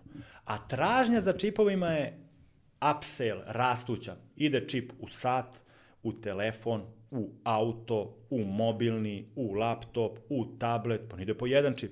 Pa i to kad ide čip, on se brzo zanavlja. Pa čip, snaga tog procesora, ne zameri mi Miloša što ću možda da pogrešim, mislim da se udvostručuje na par nedelja. I sad kogod ima parima, daj mi brži, daj mi brži. I to, to povećava tražnju za čipovima i kad je sve u redu, cena akcija je porasla. Ali onda, pošto je to branša koja se lako sruši, lako se zatvore ti kanali, jer korisnici čipova su na jednom delu planete, a proizvođači su na drugom. I onda šta god da se desi, štrajk lučkih radnika, skok cena transporta, preferencijalne kupovine bogatih zemalja, ulazi se u ta takozvana uska grla. Ima jedna nemačka kompanija pravi nešto slično, oni su rasprodali svoju maksimalnu proizvodnju, a ne za narednih 30 godina. Znači sad da im se javiš, naručuješ za 2055 tek. Sve im je naplaćeno, ne prave čipove, prave nešto slično za industriju, ali su rasprodani. Slično nešto se dešava i tim čipovima, jer ispostavilo se da su ti čipovi strateški artikal, pa i sama država gleda kako da ga koristi kao neku politiku, kako na neki način da da prednost nekim svojim ovaj, proizvođačima. I pogotovo ti ljudi koji prave čipove, to je radna snaga iz celog sveta, ti programeri, naučnici, oni, su, oni lako idu tamo, idu vamo i sve to čini tu granu ovaj, turbulentnom. Ali pre svega ti carinski ratovi, tehnološko preimujstvo Kine i Amerike, de facto zatvaranje fabrika i de facto konstantno rastuća tražnja za tim čipevima doveli su do toga da imamo ta uska grla i da taj sektor možemo zvati da kažem, rizičnim sektorom. Ja ga zovem rizičnim i evo pogledajte cenu Nvidia, pogledajte cenu AMD-a, to su ogromni chip makeri, ovaj, šta im se dešava, kako idu dobre vesti i oni rastu, kako malo loše, oni se odmah izduvaju. Sad su u ovoj krizi pali, čini mi se, po 3-4 puta ti chip makeri. Koji su to još ove visoko rizične kompanije? Pa, e, imate sada dosta tih nekih malih kom, kompanijica ili firmi. U Americi su male sve firme čija je vrednost ispod 100 miliona dolara. To su firme koje se tek ulistiraju ovaj, na bersu. Naprimer, mala je Target Quantum, mala je, na primer, firma i Specimen, mala je Adma Laboratorije, Kala Pharmaceutical. To su firme koje prave neke lekove ili medikamente ili neke proizvode za određene bolesti koji imaju ogroman potencijal rasta i ogromnu šansu da propadnu. Sad ima plejada njih, ja sam na nekima zaradio, na nekima sam propao, ovaj, ne bih preporučivao za zaradu, ali sve kompanije čija je vrednost na berzi ispod 100 miliona, slobodno možete smatrati visoko rizičnim kompanijama i sve koje su se ulistirale na berzu u zadnjih 3, 4, 5 godina možete videti, slobodno ih smatrajte, ako su male, jako rizičnim, jer je fluktacija ogromna, tu jedan investitor izađe, jedan ugovor, da kažem, da izgube, oni mogu, oni mogu da padnu, eto. To su visoko rizična ta ulaganja. A kao pandan njima izveo bi dve, dve firme koje su prilično stabilne, imaju prilično jake dividende, to je investicioni e, fond u Americi, Omega Healthcare Industries, daje dividendu oko 9% godišnje, što je sjajno, i čuveni Rio Tinto, koji se bavi ovaj, iskopavanjem rude širom sveta, isto daje jake dividende oko 9%, sad ko ima mogućnosti, ko misli da je to neka, da kažem, prilika za kupovinu, kome nije problem da kupuje fabrike koje proizvode rudu na onaj ili ovaj način u nekim zemljama, ja sad pričam iz ugla finansijske analitike, jel me razumete? Takođe isto ne bi bilo loše kupiti te američke banke, pogledati ih, u stvari staviti u razmatranje, ipak su to vesnici američkog novca, ipak oni daju kredite, naplaćuju novac, izdaju kreditne kartice. U Americi funkcioniše taj koncept e, ličnog stečaja gde ti praktično kad ne vratiš kredit imaš taj fail to repay zajam pa možeš opet da kreneš. Federalne rezerve gotovo neograničeno daju pare tim američkim bankama, te američke, tih Big Five, JP Morgan, Citi, Bank of America, American Express, American Express, ovaj, pa i Visa i Mastercard, mislim, svi imaju te kartice u celom svetu, mala je šansa da će oni propasti. One su prilično ovako e, stabilne i one i u inflaciji dobro rade. Znači, funkcionišu jer praktično one primaju pare i daju pare i zarađuju na zaradi. Imaju ogrom, kroz kreditne kartice oni tačno znaju kako se e, američko društvo ponaša, kako troši pare, e, koji su sektori koji se razvijaju, koji su sektori koji, koji opadaju i tako dalje. Znači, eto, treba imati neke banke u svom, u Americi. Zato što je tamo njihova cela ekonomija je bankocentrična banke kontrolišu, tamo banke imaju mnogo veću važnost nego što ovde imaju. Ti bilansi banaka, to su, ne znam, to je ogromna količina nula, sad tu sramota me i da pričamo ovde. Kad sam bio postavio na Instagram, ovaj, najavu da dolaziš u gostovanje podcasta, jedno pitanje je bilo, kaže, kad će propasti američka berza i zašto nikad? Da, Pa je ovako, što se tiče tih američkih berzi, američke berze, a Amerika ima nekoliko berzi, ali ova glavna je ovaj Wall Street, gde su Dow Jones i Standard Poor. Napravimo odmah razliku, propala je berza, od propala je neka firma koja je listirana na berzi. znači, američka berza, ona postoji 110-15 godina, ajde sad da zaokružimo na jedan vek. Postoji ogroman broj renomiranih firmi koje su stvarno propale, ali nije berza propala. Propale su firme na berzi. Propala je Barings banka. Propala je Lehman Brothers banka. I mnoge druge su i banke i firme propale na berzi i to se stalno dešava. Znači jednostavno nestanu sa berze, propadnu, napuste ih, naprave proizvod koji više ne funkcioniše.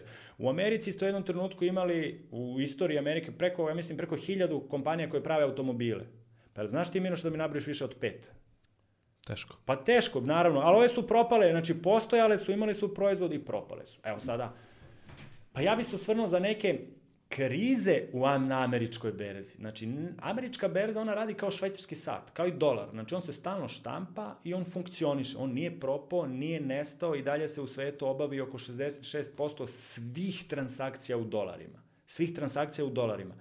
Tačno je da je on izgubio vrednost za sa 80 godina 95-6%. To je tačno, ali i druge valute su izgubile vrednost. Na stranu što ogroman broj valuta uopšte nema toliki kontinuitet trajanja, jer me razumete? Šta je bilo sa dinarom, šta je bilo sa pezosom, šta je bilo sa ovaj, nemačkom markom, zamenjena je, šta je bilo sa mađarskom inflacijom, šta je bilo sa vajmarskom markom. To su inflacije bilo 10 stotinu hiljada miliona nula. Ajde da vidimo koje su krize potrezale američku berzu. Ali berza nije propala, samo su akcije propadale. Prva kriza koja se tamo pamti je 1907. i 8. godine bakarna kriza, gde su određene kompanije koje su bile povezane sa Amerikom i Latinskom Amerikom vršile ekstrakciju rude, minerala, bakra u to vreme, to je bilo popularno za industrijske zemlje, za Evropu, za Ameriku, došlo je do krize. Indeksi su pali tadašnji te kompanije 30 do 50%. Doduše u to vreme ogroman broj ljudi ipak nije ulagao na berzu, to je pre 110 godina. Poučeni tom krizom, Amerikanci su oformili par godina kasnije federalne rezerve, banku svih banaka, federalne rezerve ili Federal Reserve, koja je 1913. osnovana baš da bi pomogla akcijama i firmama da u krizi uskoči, pomogne, doštampa pare, pozajmi pare bankama i tako dalje.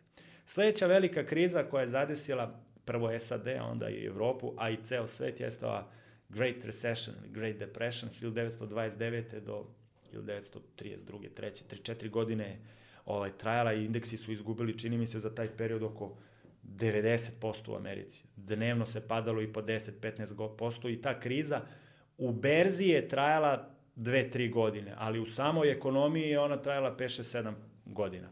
A sami indeksi berze posle, američke, posle te velike krize su se oporavili, čini mi se, tek posle nekih 20 godina, ja mislim. Zamislite koji je to pad. Znači, indeksi su pali 90%, to je oko 9-10 puta. Indeksi. Što znači neke pa, kompanije su pali 100 puta, a neke su i propale na berzi. Ali berza nije propala, ona je sve vreme radila. Možda imala 2-3 dana da nije radila, pošto berza po zakonu ima pravo kad dolazi do nekih ogromnih turbulencija da zatvori trgovanje. Da se, to se dešavalo i u Beogradskoj berzi isto ovako za neke akcije. To je bilo znači 29. do 33. To isto bilo pre skoro 100 godina, rekao bi čovjek. Ali mi svi pamtimo tu krizu kao nešto najgore od svih. Sledeća kriza koja je došla 1987. godine, gde su indeksi pali za oko 30%. To kad indeks padne 30%, to znajte da su neke akcije pale 5-6-7 puta. Da zamisli Coca-Cola kupiš za 44 dolara i padne ti na 12 neka akcija padne 2%, Coca-Cola pala 5-6 puta, ali indeks je pao 30%. To je užasan pad. Te 87. godine praktično u Americi ogroman broj građana i firmi je trgovao na marginu. They leverage debt. Uzimali su kredite, lombard, lombardne ili cash kredite, ili bilo kakve kredite da bi ulagali pare u akcije. I onda, naravno, kad je neko izvukao pločice, kad su ovi veliki ulagači prenamenili, prenamenili sredstva, došlo do velikog urušavanja vrednosti kompanija na berzama. To je bilo 87. godine, isto bi čovjek rekao da je davno bilo. Sledeća velika kriza koju ja dobro pamtim, ti si možda tad bio rođen, bila je 2000. godine do 2002. godine. Dot com crash.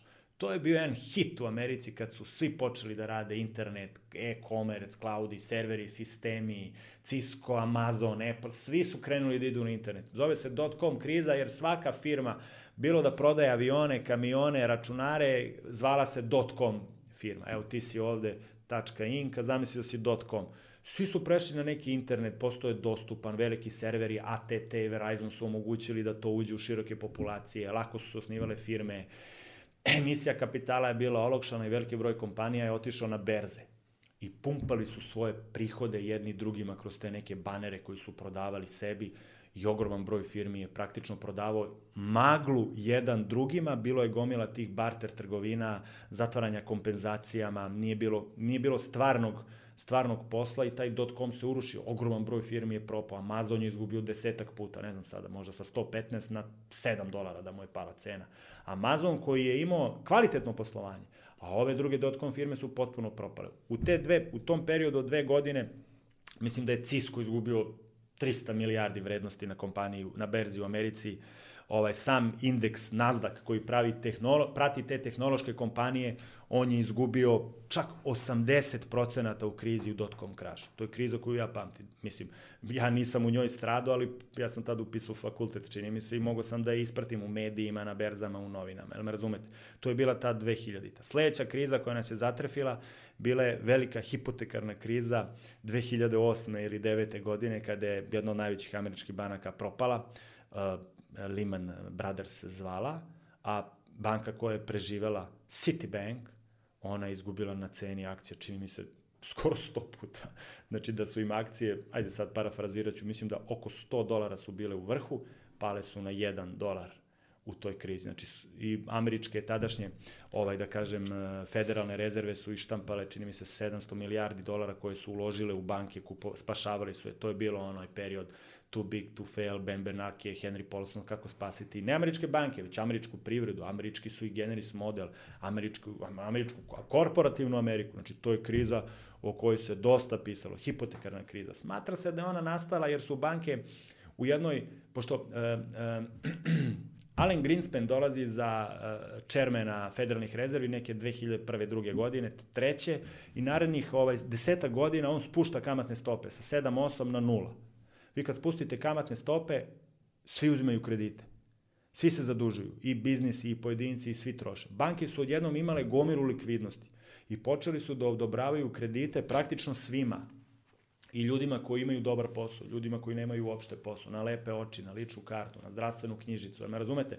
U jednom trenutku ogroman broj ljudi je kupio te stanove, tamo to zovu mortgage, ajde da kažemo to kao slično hipoteci uzimanju kredita za stan, kad je došla kriza, ljudi više nisu... Kriza je došla, određeni broj ljudi je plaćao jednu, dve, tri rate kredit i za stan, ali nije mogao da vraća stan. Nije mogao dugoročno, jer nije bilo realnog posla i onda se sve urušilo. Banke su kasnije uzele sve te nekretnine, kupile i preprodavale ih u stečaju, likvidaciji. Ja znam slučajeve gde su na dolar 10 centi, na primjer. Na primjer, stan koji je u kreditu kupljen za 100.000 dolara, u rasprodaji je zatvoren za 10.000 dolara. To je ta hipotekarna kriza. Tada se menja i američki zakon gde se investicionim bankama zabranju, deli se investiciono bankarstvo na komercijalno bankarstvo. Znači sad e, postoje komercijalne banke koje rade sa privredom i sa građanima, investicione banke i hedge banke koje rade neke rizične fondove. Pre to sve bilo spojeno u jednu banku, pa su onda Freddie May, Fannie, Fannie Mae, Freddie Mac i te neke hipotekarne firme su dokapitalizovane, neke su spojene, Bear Stearns, American Insurance Group je takođe pretrpeo stravične probleme i tako dalje. Posle te krize, znači to je isto 2009. 8. to je juče bilo, taman smo mislili, evo blagostanja, dolazi COVID, 2000, mart 2020. takozvana kriza bez presedana o kojoj e, niko ništa pre nije znao. Nije se COVID pre dešavao, bilo je nekih da kažem, virusa i pre španski grip, kuga, ali ovako da je na ovaj način pogodila te neke berze i da, i da je prestrukturirala privredu sa fizičkog realnog sektora na cloud online working from home, gde je ogroman broj kompanija pretrpeo stravične gubitke, a neke su masno profitirale Google, Apple, Amazon, e-komerci. Svi oni koji su mogli da obavljaju svoj biznis u toj krizi su profitirali. Pogledajte cene akcija za vreme COVID-a, Facebooka, ne znam, Microsofta, Apple-a i tako dalje. I pogledajte cene nekih biznisa kao kruzeri, gde im trebaju ljudi, kao avioindustrija, šta se desilo Airbusu, Air France-u, Lufthansa, Boeingu, American Southeastu, American Airlinesu, šta se desilo tim e, kompanijama, koliko su se one urušile. Vidite šta se desilo u COVID krizi automobilskim gigantima u Evropi, Švabama, Volkswagenu, BMW-u, Bentley, mislim da je 10 puta pala, pala akcija tih nekih luksuznih automobila, luksuznih roba, znači čitav jedan mindset, čitav, čitav jedna paradigma ulaganja, rada, štede, štedenja i, i, i vođenja posla i vođenja ekonomije se promenila u toj COVID krizi. Države su rega, re, reagovale, to oni zovu kvantitativne olakšice. To računajte kao ogromno štampanje novca upumpavanje u privredu. Sad kažu, baš su glupi, zašto to rade? Ali međutim, nisu glupi. Znači, generalno, šta se dešava u krizi? Prvo ako ekonomija funkcioniše ako ljudi rade i troše. Rade i troše. Kupuju i troše. Tad sve funkcioniše. Kad dođe kriza, svi se plašimo, ne trošimo, radi ko može, a neki ni ne rade i staje potrošnja.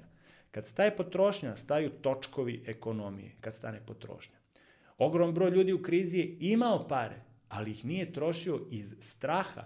Mi smo prodavali neke pantalone i satove. Ko će bre da kupi u sred korone sat? Šta će mu, ne znam da li će, hoće mu moći da izađe iz kuće. Šta će mu sada patike za trčanje kad ne može da izađe iz kuće? To se nama desilo, na primjer.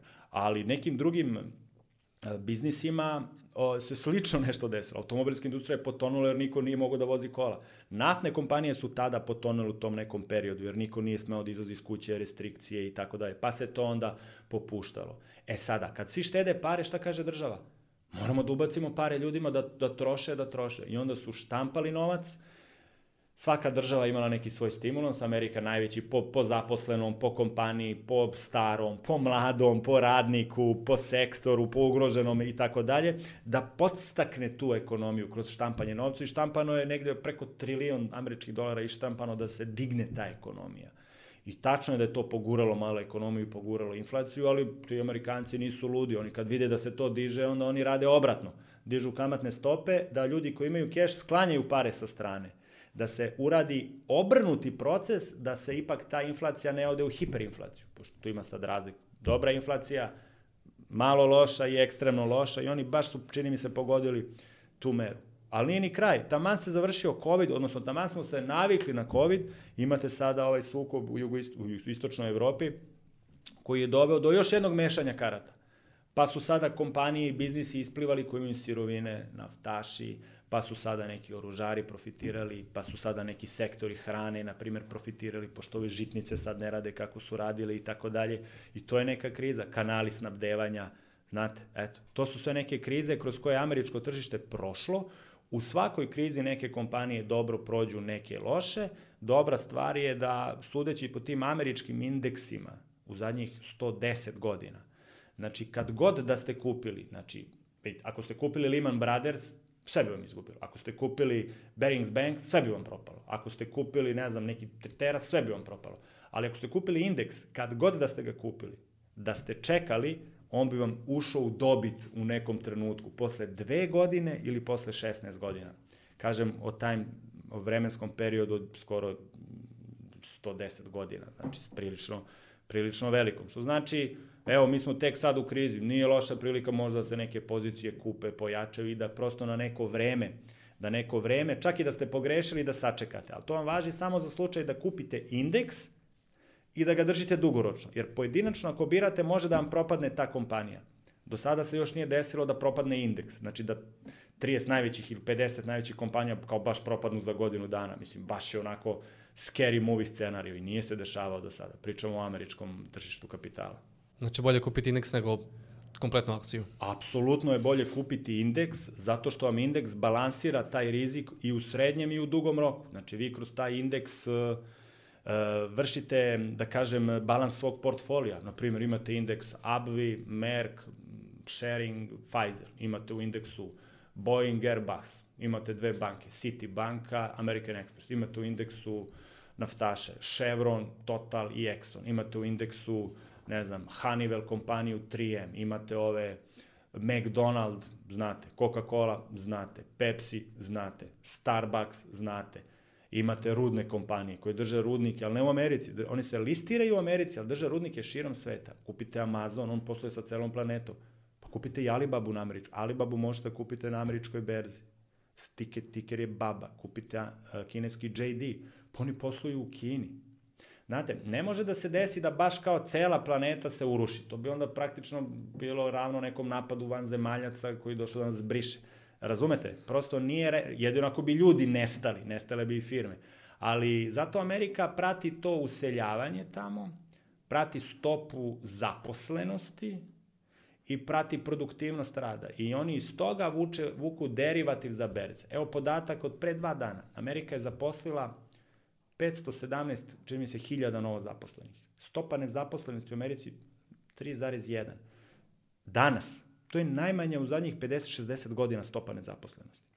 Vi kad imate takve fundamentalne ovaj, pokazatelje, broj useljeničkih viza koji je predat u američke ambasade širom sveta, ja sad ne znam cifru, možda ti možda nađeš bolje kao ex-amerikanac, ex-patriot, ovaj, možeš da vidiš da oni imaju u očekivanoj vrednosti u budućnosti dobre karte. Znači da će tu ljudi da dolaze, a ako dolaze to ide potrošnja. Na stranu što dolaze oni što hoće da rade. Mislim, jer tamo ako nećeš da radiš, tamo nemaš mnogo ovaj, prava, eto i tvoji gosti su sigurno pričali oh. o tome. Sad, da li je to surovo, da li nije, verovatno nekome se sviđa, nekome se ne sviđa. Meni se neke stvari sviđaju, mnoge mi se ne sviđaju, ali isto u Češkoj, meni se isto tamo nešto sviđa, nešto mi se ne sviđa. Ne znam kakvi su tvoji utisci. Pa konkretno sa Amerikom, da, u suštini ako ne radiš, malte ne si mrtav to je to. Mislim, bukvalno mm -hmm. forsiran si da, da radiš. Forsiran si da radiš. Si, da. da. Oni imaju to forsiranje praktično ljudi, rada i produktivnosti i on, oni napravili su model koji je funkcionalan. Štampanje novca kad mi uradimo, on vodi u hiperinflaciju. Mađari su to probali 1000%, Argentinci 1000% otišu, mi 10.000%. Nemačka marka između ona dva rata, znači razlupala se ta čuvena vajmarska marka i tako dalje. Međutim, američka inflacija, ona u vreme blagostanja, ona ide od 2, 3, 4%, 1,5% i ona je odlična. Ona taman za ljude koji imaju novac, tera ih da ulažu te pare jer im se inflacija jede vrednost novca kad ti je kući, kad ti je u slamarici, kad ti je u banci i terate da ga trošiš i da ga ulažeš. Zato je ta mala inflacija dobra. Imate neku srednju inflaciju, recimo 7, 8, 9% kakve su sada. To je jako loše jer ljudi onda su toliko prestravljeni da ne kupuju ništa, da, da kažem ne šted, ne ulažu, bu, bukvalno privreda ne može da računa šta će sutra biti. Ako preterate sa štampanjem novca, imate situaciju koja se zove hiperinflacija. To vam je rast 100% svega dnevno. Ko to može da uprati? To se desilo u Jugoslaviji i još ovim navedenim državama. Ali imate još jedan fenomen u ekonomiji koji je obratan inflaciji, zove se deflacija. Ona se dešavala i u Americi, 87. 8. kratko, 30. ih malo, ali u Japan pati od permanentne deflacije. Tamo su i dan danas kamate, mislim, 0%, možda su čak i malo negativne, minus nešto. U deflaciji su i ne znaju kako da reše sistem. Znači, tamo kad spuste kamate, niko ne uzima kredite i niko ne troši. U Americi kad spuste kamate, svi zalete se kao oni bikovi sa berze da uzmu pare, da potroše, da kupe, da zanove. Potrošačko društvo su napravili. Znači, deflacija je gora od inflacije, velika inflacija je katastrofalna, a ispostavilo se da je neka kontrolisana mala inflacija od 2-3% najbolja. Sad smo u nekoj fazi od 5 do 9% inflacije, aj, Srbija, Amerika, kako koja roba, kako koja potrošačka korpa i tako dalje. I smatra se sada da ta inflacija nije dobra. Zato centralne banke dižu te kamatne stope koje se dalje ugrađuju u Libor, pa imate sada kamate na uzete kredite i na deponovane pare su slične. Velike su i to polako bi trebalo da uspava tu neku inflaciju po teoriji, naravno. Koji procenat inflacije je nekako najidealniji da, da bude? Pa, uh, u svim knjigama ekonomije se čita, odnosno piše se da je neka najbolja inflacija 2-3%. Evropa voli to malo, Kristin Lagarde, Švapski, ovaj, Šojble, ministar financija, ja sam čitao njegove ovaj, radove i te opuse, on, oni su smatrali to od 0 do 2 je dobro. Oni su uvijek malo konzervativni, evropljani, francuzi i nemci, od 0 do 2. Međutim, amerikanci imaju u svojim, u svojim bankama, u, u Fedu, 2-3% kao nobles oblige u knjigama, ali u praksi oni mogu da progutaju sve i oko 4% inflaciju, da privreda raste, da, da, da se dolar štampa, da svi dalje štede u dolaru, da i dalje se svi useljavaju. Preko 4% već dolazi do problema. Problem male zemlje, nas i malih tržišta jeste kod nas kolika god da je inflacija, ona, ona je sve preko 5% loša, ali ona ne zavisi od nas, jer ogroman broj roba je ovde uvezen, strani kapital, strane banke, strane robe. I ti u takvoj situaciji, kad kontrolišeš inflaciju, ne kontrolišeš mnogo. Nama, inf, ako je Apple poskupi u Americi, mi, mi ne možemo da utičemo na to ovde. Amerikanci mogu jer oni tamo prave, smišljaju i tako da, i te neke proizvode. Znači, zemlja koja je neto uvoznička, a male zemlje su obično takve, inflacija kod njih i manja inflacija više peče. Plus što nismo neto useljeničke zemlje. Da neko sad se rodi u Belgiji i kaže želim da idem baš u Bugarsku da radim. Znaš, obično se to ne dešava. Svi idu ka tim velikim nekim sistemima i oni vrše eksploataciju kroz štampanje tih dolara, jer, jer svaki novi građanin koji uđe u Ameriku, on Fedu daje mogućnost da još malo ištampa novca. Jer on praktično saldira robu ljude i potrošnju sa količinom novca. Reći ištampano je toliko dolara bez kontrateže koliko je ljudi ušlo, kolika je potrošnja, da li ne, parametar nema, to vam je kao koliko dižete na benču. Ja dižem 40, ali čekaj, ako sam osmi razred, to je mnogo. Ako sam neki bodybuilder, to je malo. Znači, moraš ceo podatak da imaš. Jer inflacija je, kako da kažem, zavodljiva pojava i ona se meri u relaciji sa još nekim parametrima. Pitali ste kolika je dobra, u Evropi je to od 0 do 2, u Americi oko 2-3% smatraju da je korisna. I ona ako je nulta, oni je veštački kreiraju. Japan ima te nulte inflacije i deflacije, ne, ne mogu da se izvuku uopšte. Konstantno im opadaju ljudi, produktivnost, berza ne odbacuje nikakve dividende. O, za japansku berzu, sve ovo što sam pričao za američku, tamo ne važi. Iako je tržište 100 miliona, gomila kompanija, Toyota, one, ove, ima banaka, ima svega, ali jednostavno i manje su dividende, i manje je prirast, i manje interesovanje, nešto ipak tu fali u tim malim, mladim Japancima koji na neki način nemaju to neko potrošačko društvo. Smatra se da je to američko potrošačko društvo praktično napravila ogromni ciklus tamo u ekonomiji. Na primer, Amerika ima 340 miliona u populaciji, ali u potrošačima oni troše ko milijardu, mislim, indusa, na primer. To je velika stvar izračun, reći da za ekonomiju nije toliko bitna populacija koliko ponašanje te populacije. Što praktično znači ista količina vode ne pravi istu količinu struje, ako je voda brža, ako se brže opredmećuje. A ti si živeo tamo, Miloša, ti znaš da Amerikanci vole da imaju pet farmerica, 14 patika, naručuju hranu, voze se. Znači, oni su ogromni potrošači. A naš čovek ipak, ono, ok, ima potroš, nosi nekoliko godina na stranu što neki nose i 10 godina neke stvari i tako dalje. I onda to usporava društveni ciklus, usporava zanavu robe, a samim tim i akcije te nisu lukrativne onda. Eto, to je jedno s drugim povezano, ali Ameriku je izvuklo taj američki san, to, to što svi tamo žele da idu, da li su oni prevareni ili nisu, to sad ispada kod da nije ni bitno. Ali uglavnom ja znam dosta ljudi koji su se vratili iz Amerike s parama ovde, a obratno Zna, znate, da neko došao ovde pa otišao tamo. Možda, možda kompanije koje ovde zarade pa nose tamo profit, kao, ali ovako na nivou pojedinca svi idu ta bogata tržišta da rade. Eto, to je neka sudbina planete je takva. Pa većinom je tako, mada recimo sad postoji neka, neka varijanta vize, da kažem neke investitorske vize, to je zelene karte. Znači recimo sad mi se svi tu nešto prijavljamo za neke lutrije, neke brakove, neke tu veze sa rodbinom vamo tamo poslovi, ali postoji još jedan tip zelene karte, to je tip vize koji se dobija ovaj, i na osnovu nje se dobija zelena karta, to je ta neka investi- investitorska viza, gde mislim oko pola miliona dolara treba se investira tamo u neki biznis, se napravi nešto.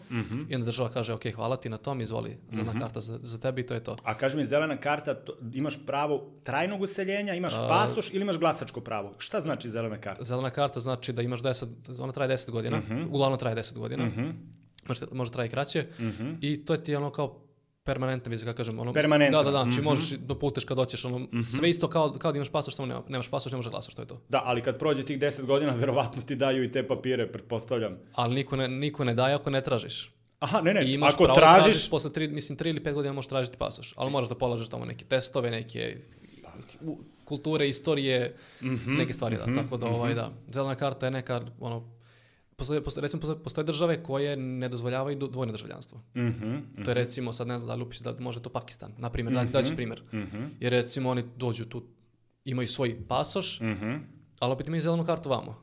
I onda su, ono, ceo život su na toj, na toj green karti u suštini, on, njih ne zanima ni da glasuju niti ovo niti ono, ceo život žive na toj green karti, ali ono kao normalno živi, normalno rade. Znači, najlegalnije sve moguće, samo to nemaju pasoš. Samo nemoj pasoš. Dobro, znači sa tom zelenom kartom imaš pravo posle da tražiš i državljanstvo i pasoš u nekom periodu. U nekom periodu, da. Praktično, znači vi, to je na 10 godina, ti već posle 3 možda apliciraš 3 za... do 5, ne znam da, da, li, da li 3 ili 5, ali uglavnom Da. da. A ulaganje moraš da izvršiš u američke nekretnine, biznise, u stan, u nešto tamo na njihovoj teritoriji. Da li su nekretnine, nisam siguran, znam Mhm. da su biznisi sigurno.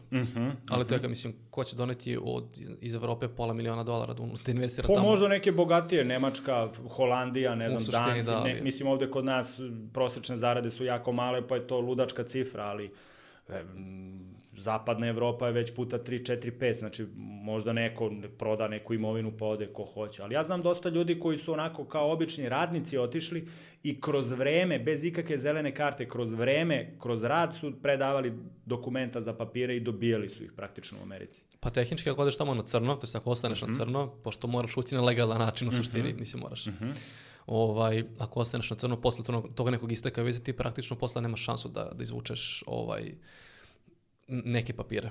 Mhm. Ako uđeš na crno. A ne, ne, ako ostaneš na crno posle. Ako ostaneš, onda oni ako te snime da si u stvari bio na crno, Oni zapravo ti, oni hoće da ti budeš tu kod njih na crno jer nema nik, nikakve obaveze prema tebi. Mhm. radiš, a ne štetiš. Radiš, praviš porez, praviš sve, sve super, ali ako bude neki problem sutra je, znaš, ali ti si radio tu na crnom i ti ne možeš pomoći. Pa čekaj, znači oni nekima, Miloše, i zažmure tamo u stvari, Meksikancima, Latinosima, kako ih zovu. Jel tako ispada onda? Pa recimo da jeste. Mhm. Znam recimo dosta naših ljudi koji su tamo Mislim, otišli legalno, rade danas, dan danas rade na crno, tehni, mislim, vize su im istekle, nemaju kao to nešto, tehnički su na, na crnom, da kažemo, ono, ostali Da. tamo, legalno mogu raditi, ali imaju socijalni broj, sve super funkcioniše, samo ne mogu izaći iz države. Ako izađu- iz države, to je to, pozdravi se, ono, bukvalno, Da, neko, Za će, života. neko će ih legitimisati.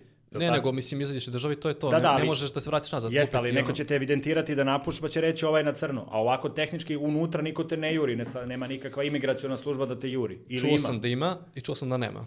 Aha. Znam da, znam, znam da su bili jurili po Bostonu neke naše ili po Massachusettsu su jurili neke naše. Mhm. ovaj, to je bila neka fazna dojava na, na, na ovaj, mislim proverena dojava na Instagramu je bila Mhm. kružila. Ovaj, ali inače ovako sad da kažem da Mhm. osim ako ne napraviš neko sranje onda hoće. Mhm. E onda red, znaš, ne znam sad, bili smo u kafani, zapeli smo se, potukli smo se nekim tamo s kim god, dolazi policija, vamo tamo, znaš, imat ćeš ličnu kartu, sve to super, ali ako se skonta nešto, onda ono, momentalna deportacija i to je to. Jesi imao neka loša iskustva Ja nisam, ili ja znaš? nisam lično, ali sam čuo za neka da su ono... Da, dobro, ali možemo reći da je Amerika kao neto useljenička zemlja prilično u proseku liberalna za nekog dobronamernog čoveka koji želi da ide tamo da radi. Jel možemo to da, ka- Da. ako bi morao u deset reči da kažem da bi to bilo najbliže istini. A na pojedinačnom planu ima i svakakih ljudi koji preskaču zid, koji falsifikuju dokumenta, daju lažne izjave, pretpostavljam. Ali u nekom globalu, ako si u dobrim namerama, daće ti neku priliku, pošto su oni kao društvo Da, prilike. svi dobiju šansu, samo kako će od- odigrati s tim kartama, to je do tebe. Mhm. Znači, s- samo ono ljude koji su ono prosto crnčili danima, da ne znam, vozili kamione, radili ovo, radili ono, radili kao serveri, baseri, restorani, Uber i Mhm. ostalo i prosto su živjeli kako su živjeli, Mhm. da kažem ne- nešto kažem normalno, jel skupiš da živiš normalno, ali deo nekih para uložiš, investiraš u neki biznis koji posle skaliraš na nekom nivou. Uglavnom to kod naših ljudi najčešće bude kamion. Mhm. Znači krećem ja da vozim kamion, vozim za kompaniju, znači plaćam samo ono po milji, plaćam ne znam tipa koliko centi ili da, koliko centi po milji, Mhm. i onda ja sad, ne znam, živim tu pa živim, pa ipak odlučim da možda bi ja teo da kupim taj kamion, pa ne znam, kupim neki kredit, pa uzmem taj kamion na rentu, pa ovo, pa ono, pa ga otplatim, Mhm. pa sam sam svoj gazda. I onda taj kamion mi, ne znam, vozim ga ja lično, pa mi taj kamion, da kažem, pravi ne, ne- neki, neki novac, koji dalje investiram u novi kamion, pa u peti, pa u stoti, pa to sve tako e, je. bravo, kad si rekao kod tog investiranja u Americi to postoji kad iz biznisa prevaljuješ u biznis, oni te oslobađaju određenih poreza. A ovde u Evropi i kod nas ti prvo moraš da se oporezuješ pa sa netom da uložiš. Eto, to je čisto jedna mala digresija. Ja sam biznismen i znam koliko me to sve porez na dobit guši, ne znam, ja dividende i to. A tamo to u nekim određenim slučajevima, pogotovo kod nekretnina, ti tu kapitalnu dobit, ako uložiš u skuplju ili veću nekretninu, ti je ne plaćaš. E, a ovde, ovde plaćaš praktično. Ok, ne plaćaš je posle 10 godina, ali hoću u 10 godina 100 puta da zavrtim nešto. Evo da te svaki puta išamaraju u tim Da. nekim evropskim zemljama. E sad, evropske ove države misle to je dobro, puni se budžet, a Amerikanci kažu, e pa to je loše, gušite ekonomiju. Sad, mislim, ko je u pravu, eto, svako neko odabere neko svoje pravo, ali eto, treba reći kako jeste. Da, tako da ja sad završim priču sa, sa tim vizama. Znači, Da. je- jedno je ta investitorska viza da ja dođem kao strani državljanin tu, dobijem papire, da investiram novac tu. To je jedno. A drugo je kad neko tamo živi radi, pa investira pa napravi neku ono kom- kompanijetinu, da kažem tako. To je potpuno drugi koncept. potpuno- da, da, da. Tamo već živiš, radi se. Da li je to na crno ili ipak legalno, zelena karta, Mhm. brak, nije važno. Ali da, svako dobije šansu, svako dobije šansu da, bukvalno, da, da napravi šta hoće. Mhm, Jer njima to ide u korist. mhm, Ja napravim firmu koja ima 100, lju- 100 zaposlenih, mhm, ja ne plaćam porez kao svoj porez, ne plaćam kao firma, mhm. jer uh, taj njihov kao, taj IRS, IRS, poreska uprava, da, IRS. njihova poreska uprava, uh, tebe kao vlasnika kompanije, to jest tebe kao kompaniju oslobađa nekih poreza, Mhm. zato što ti si taj koji pravi porez na osnovu, to jest imaš zaposlene koji prave porez, Da, da, zapošljavaš ih. I, a, a oni, troše ge- i oporezuju se. Tako Da. je, oni generišu novac, oni se oporezuju, to je to. da, praktično čak i ako se ne Ali- oporezuju, ponašaju se kao turisti, troše pare samo. Pa u suštini da. Ali ovaj, uh, to je isto, isto bitna stvar što neće tako neko reći, znaš kao ne moraš da mi daš plaću porez, oni moraju da vide koliko si zaradio, na osnovu toga će oni pro, pro, pro- da kažem, proceniti da li ti ipak treba da platiš porez, ako da, koliki, ako ne, samo treba pokažeš, znači mora biti neki dokaz. Mhm. Tako Znači, da ima i taj neki sistem toga što je baš brutalno, mislim ono... provera neka, Pa, kontrola. da, da, da. To ipak nije svaštarenje i javašluk neki, Pa ali da, može tako da kažem. može. A kaži mi, kako to naši baš svi idu tamo da voze kamion? Je li to neki karma ili je to Pa, nekako- toliko profitabilno da je baš za nas? Da li je profitabilno to kako kome i kako ko koliko vozi i kako, a kako se ko postavi prema tom poslu ili načinu života, bolje kažem tako. Ovaj, nekako, šta znam, dođu svi tamo pa ono, evo bio je sad jedan, jedan gost koji je otišao tamo da radi, mislim radi u Srbiji na aerodromu, otišao je tamo eto da radi, ono, radi kao server na Floridi, mislim ne server, radi kao, kao baser, znači čist, čisti stolove za, ne znam, nek- neke pare, ovaj, žive tu na Floridi i u nekom momentu se prelomi kao, idem u kamion. I to je to. Prosto samo ono procenjuje neke svoje stvari, a pazi, nikada pre toga, kako i sam izjavi, nikad, ni- ništa nije, e, nikada nije vozio ništa duže od karavana. A ne ono 53 fita kamion, ono šleper da voziš. Čekaj, znači on se snašao se za male pare brzo, je li tako ispada? Pa nije baš za male pare, nije baš brzo, ali ono prosto odlučio, ok, hoću da vozim kamion, ali nikada pre toga nikom to je, idem tamo da vozim kamion, nego kao ono, Da, bit će da, što bude. Sad da. isto bila gošća koja je otišla tamo da ovaj, sa mužem, Mhm, on je baš teo da vozi kamion, ono baš to kao, kao uh što vamo tamo, na kraju su vozili onaj mali kamion, mhm. 26 fita, onaj kao box truck, vozili su to recimo i posle toga kao već kad vozimo to, ajmo prvo veliki, odu za Chicago, tamo polože za, za te CDL velike dozvole, Mhm. da nas voze kamion, evo ti za dve i po godine su kupili ono stan u Chicagu, kamion priko licu, tako da ono. I šta misliš, da li je to moguće u Republici kod nas sprovesti? Da ti zaradiš, da imaš mogućnost da voziš kamion, da ti to ostane, da tako dalje. E, konkretno za kamion nisam siguran kako funkci- funkcioniše ta industrija kod nas Mhm. ovde, ali reći ću samo da ako ti hoćeš da novac koji zaradiš, odakle god da ga zaradiš, investiraš dalje. Mhm. Moraš sebe limitirati. Znači, evo recimo imaš platu, Lupiću, što- je pričao već, Vladimir je pričao, iz Vizi priča, da. Mhm. Imaš platu, ne znam, 300 evra i sad kako onda potrošiš sve zato što moraš da potrošiš da bi živeo. Ok. Imaš platu 1000 evra. da li zaista moraš da potrošiš svi 1000 evra? Tako je. Ili možeš, ok, ostavit ću, ne znam, tipa 500 sa strane, da investiram u nešto ili ću, ne znam, čuvati za, ne znam, da kupim auto, da kupim ovo, da kupim ono. Nije važno. Ali bitno je da ako imaš već neke malo veće prihode, da ti ipak proceniš koliko tebi treba da živiš, koliko ćeš potrošiti, ne znam, na hranu, na ovo, na stan, na šta god te troškove i da se limitiraš, da se ponašaš kao da ti, da ti je to cela plata. Mhm. Znači da, da od 1000 evra koje zaradiš, da se, 300 je tvoje. recimo, ili Po- 500, ne, ne, nije važno, da, Mhm. ali limitiraš sebe. Mislim, to bude, uh, znam po sebi da to može biti jako komplikovano. Ja sam to pokušao da da uradim u Americi, ali nije, baš uspevalo. I ti si sve trošio, jel da? U Americi većinu ja sam trošio, tako sam na kraju došao kući sa, nešto malo, da, ali opet, ono što ti kažem je da ako nešto zaista hoćeš i želiš da sačuvaš novac, da investiraš, da počneš neki novi projekat, kao što sam recimo počeo ovaj projekat sa podcastom, potpuno moguće, ali moraš sebe da limitiraš, moraš, moraš da, da ovaj, se odrećeš neki stvari. Mhm. Znači, ok, neću danas popiti tri kafe, popit ću, neću popiti nijednu kafu, evo. Biću Mhm. kući, radit ću na nekom mom projektu, ali neću ići nigde, neću potrošiti pare, na primjer. Rekao sam ti koliko sam ja u moju platio na ulici. da, da, okej. E, šta misliš da preporučimo neke knjige za gledalce, ovaj, možda bi bilo interesantno, ako nemaš još neko dodatno pitanje. Pa ja bih imao neke dodatne pitanje Može. vezano za, za da Slušam. kažem, ovaj, e, na koji način brokeri zarađuju? E, odlično.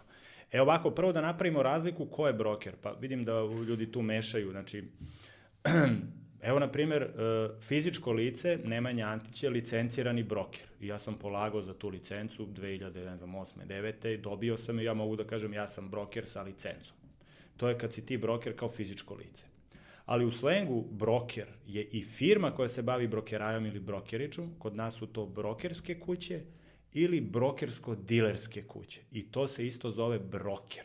Znači, to je firma u kojoj rade brokeri kao fizička lica, preko koje druga fizička lica kupuju akcije na berzama. Znači, akcije na berzama se kupuju preko brokera Miloša, koji radi u firmi koja je brokerska kuća po tipu delatnosti. Znači, na taj način ovaj, to je broker. A brokeri zarađuju od provizije. Na primjer, onih tvojih 1000 dolara što hoćeš da kupiš Coca-Colu po 40 dolara akcija, broker će da ti naplati svoju proviziju, recimo pola procenta, pa će da uzme, ne znam, 50 dolara ili 30 dolara, kako se dogovoriš. Broker na taj način zarađuje od tvog volumena. Znači, što više kupuješ akcije, moraš preko brokera, i što više prodaješ, broker zarađuje na toj fee, na toj proviziji. Drugi način na koji broker, odnosno brokersko već dilerska kuća može da zarađuje, ako trguje akcijama za svoj račun, tada bi broker već trebao da bude i diler kao pravna forma društva, gde broker sa svojim parama, odnosno BDD društvo, brokersko-dilersko društvo, sa svojim parama, na primjer 20.000 dolara, kupuje akcije na berzi i prodaje ih za svoj račun. I na taj način zarađuje kao i ti. Znači, možda on ima neko znanje više, više analizira robu, više analizira akcije, pa na taj način, znači on zarađuje kroz provizije od svih ljudi koji ulažu preko njega i sa svojim parama koji mu stoje na njegovom trading akauntu ili na tekućem akauntu, ovaj, zarađuje kroz kupovinu. Jedno je sigurno, on tvoj portfolio ne može bez tebe ni da kupi ni da proda, odnosno to bi bila stravična zloupotreba, mogo bi u zatvoru da završi. Ja se odnosi na, na to da ti investiraš tipa 1000, to jest daš neke pare nekom brokeru, Mhm. Pa oni rade s tim šta god pa da ti naprave neke pare, ili je li to vezano za to? Pazite ili ovako, za... ako pričate o brokeru, vi kad uložite pare, ne dajte brokeru, uložite ih u banku. A bok, broker ima pristup tom Aha. računu, a troši ih samo po vašem nalogu. Mhm. To je ako kupujete preko brokera. A ako plasirate novac u investicioni fond, onda vi kad uplatite pare u fond, oni imaju pravo da preko svojih brokera diskreciono ulažu te pare u depozite, u plasman, u akcije i obveznice, bez da vas pitaju. Jer ti si uložio u investicioni fond, tamo rade tri brokera i četiri portfolio menadžera i dva investiciona savjetnika i oni u slobodnoj volji, u najboljim namerama plasiraju vaša sredstva. I onda imaju pravo, odnosno vi, vi njima plaćate i masniju proviziju, 1,5%, čak 2%, zato što oni koriste svoje znanje i umeće da upravljaju vašim novcem. To je praktično sa vašim znanjem, ali bez toga da vi birate akcije. Ti si izabrao investicioni fond, a fond bira šta će da kupi od akcija.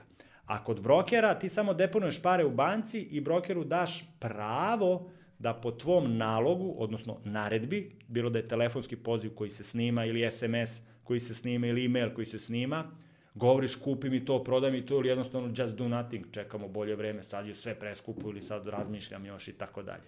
Bila bi zloupotreba brokera ovaj, da troši pare bez tvog na, naloga i bilo bi zloupotreba tvojih prava da ti naređuješ fond menadžeru u investicijnom fondu šta on da radi. Eto. Kakav odnos imaš prema štednji kao investicije za stare dane? Pazite, ovaj, evo ovako da kažemo da ti imaš 20 godina, da ja imam 40 godina, da znam ljude koji imaju 60 i 80 godina. Da smo svi počeli da štedimo u tvojim godinama, evo možemo da izračunamo ovaj, koliko to može da se uveća. Rekao sam onaj primer za 150 godina, 26 dolara je naraslo samo kroz kamatu na 32-3 hiljade dolara. Ok, to je ekstremni primer, ali ne bi bilo loše da svako od prve plate, kad god da se zaposli, deo nekih svojih sredstava, 10% ili 30%, ja sad ne znam, znam da ogroman broj ljudi startuje sa malom platom, ali svaka plata je mala prva, jer vam, vaša prethodna faza je bila nula plata. Pa kako si živao sa nulom, a ne možeš sa 600 evra ili sa 300 evra? Mudar investitor na 300 evra štedi 30, a na 15.000 evra uštedi 7.000 evra. A vežbanje štednje se već, vežba u početku i lakše je na malim plati. Onaj ko ne može da sačuva 30 od 300, on neće moći ni 10.000 od 110.000. To vam potpisujemo ovde i kladim se da neće moći. Znači, investiranje u dugom roku kao vid štednje je sjajno, jer vam se taj novac, pogotovo kroz indekse, kroz penzijone osiguranja, kroz polise osiguranja, uvećava 2-3% godišnje, 2-3% godišnje, 2-3% godišnje i na kraju imate, da kažemo, ogroman neki, ogroman, kroz vreme za 20, 30, za 40 godina ili za 7 godina, ne znam sad koliko planirate da štedite, ali evo, vi ako imate 20 godina, što vi možete do 80, vi 60 godina možete da ulažete bez problema. Pa to živite 110 godina, što mislite da je nemoguće. Pa ne znam, evo, ne, bude išlo. evo vam prilike da budete vernik, verujte u to.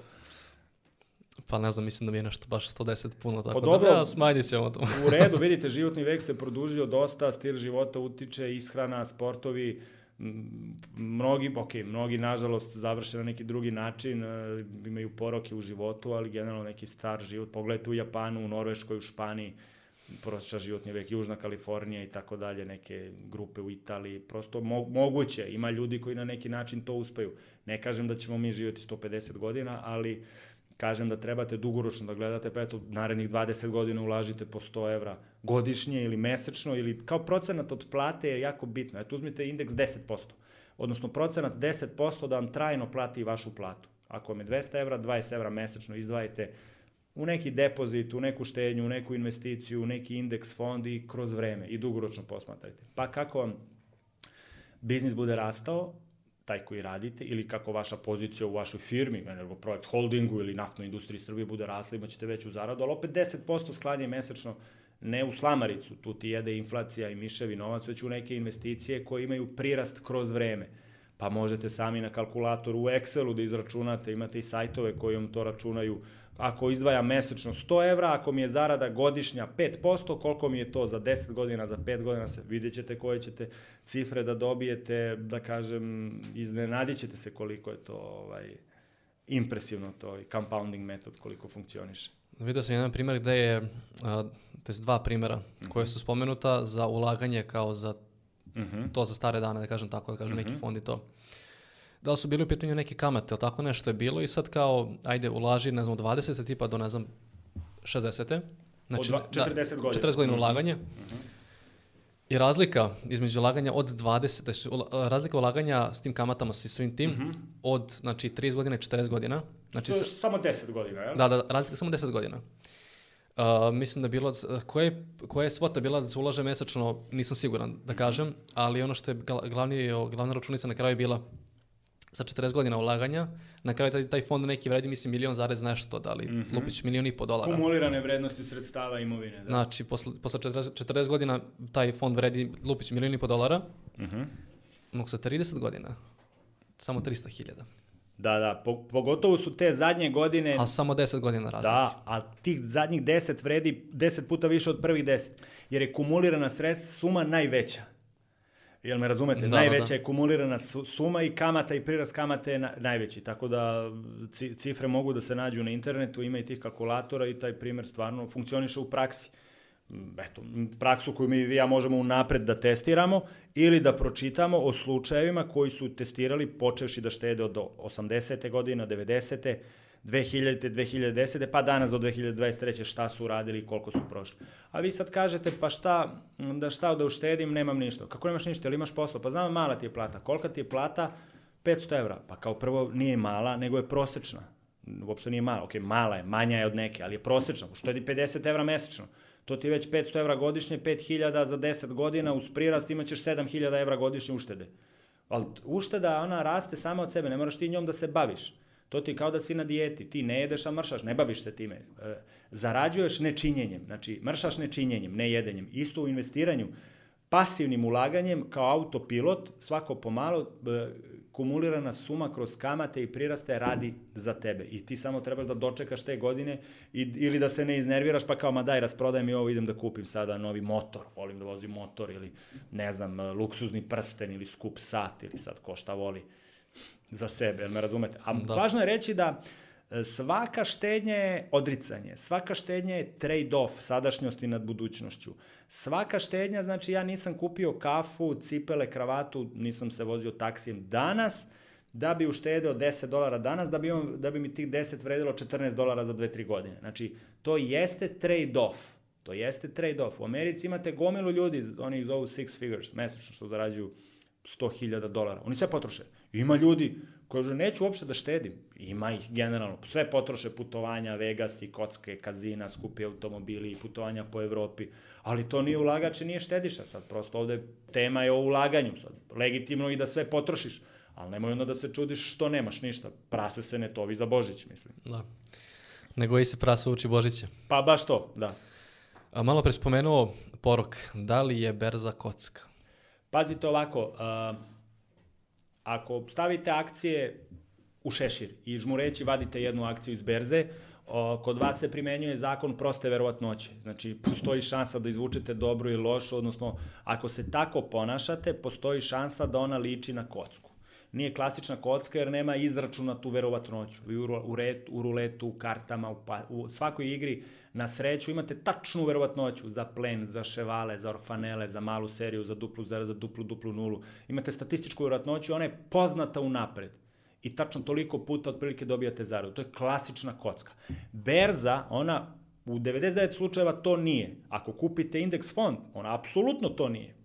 S druge strane, nemaju istu šansu da zarade neko ko je portfolio menadžer, ko je broker i neko ko je obični ulagač. Znači, vama znanje pomaže da bolje plasirate novac. Vama znanje, trud, meritokratsko ubeđenje, učenje, izučavanje, savetovanje, praćenje bilansa, ekonomije, tokova, ono vama omogućava, povećava vam šansu da kupite bolju akciju, da birate one winner out of 10 losers ili one winner out of 10 average companies. Jel me razumete? Znači, ako tako pristupate, ona apsolutno nije kocka. Jel me razumete? Sad ti kažeš, pa dobro, ja ne znam ništa, nemam vremena da učim, neću da uložim. Čekaj, čekaj, ti ne trebaš da pikuješ akcije, ti trebaš da uložiš akcije u fond, da kupiš u osiguranje koje ulaže u berze, ti trebaš da kupiš balansirani portfolio. U Americi imate gomilu tih indeksa koji su vam derivativi berze, nekretninskog sektora, naftnog sektora, bankarskog sektora, brzo rastućih ekonomija, inflatornih, prosto možete na taj način, imate Citibank ima fondove, Vanguard, T. Rowe Capital, BlackRock fond, Goldman Sachs, svi oni imaju svoje fondove koji kojima upravljaju ozbiljni ljudi, koji imaju milione, milijarde u tome. Pa šta se vi brinete za svojih 110, 50, 1000 dolara kao sad neko će zbog vas da uništi fond da bi vama kao oštetio. Ne funkcioniše to tako. Znači, ako ste promišljeni, prosečno promišljeni, berza apsolutno nije kocka. Iako ona u praksi ima svoje padove i rastove, ali u dugom roku praksa je pokazala da ona uvek, bakar u indeksu, to ispegla za 2-3 godine ili za 12 godina. Mnogi danas ovaj, mešaju, mešaju berzu sa, sa kriptovalutama.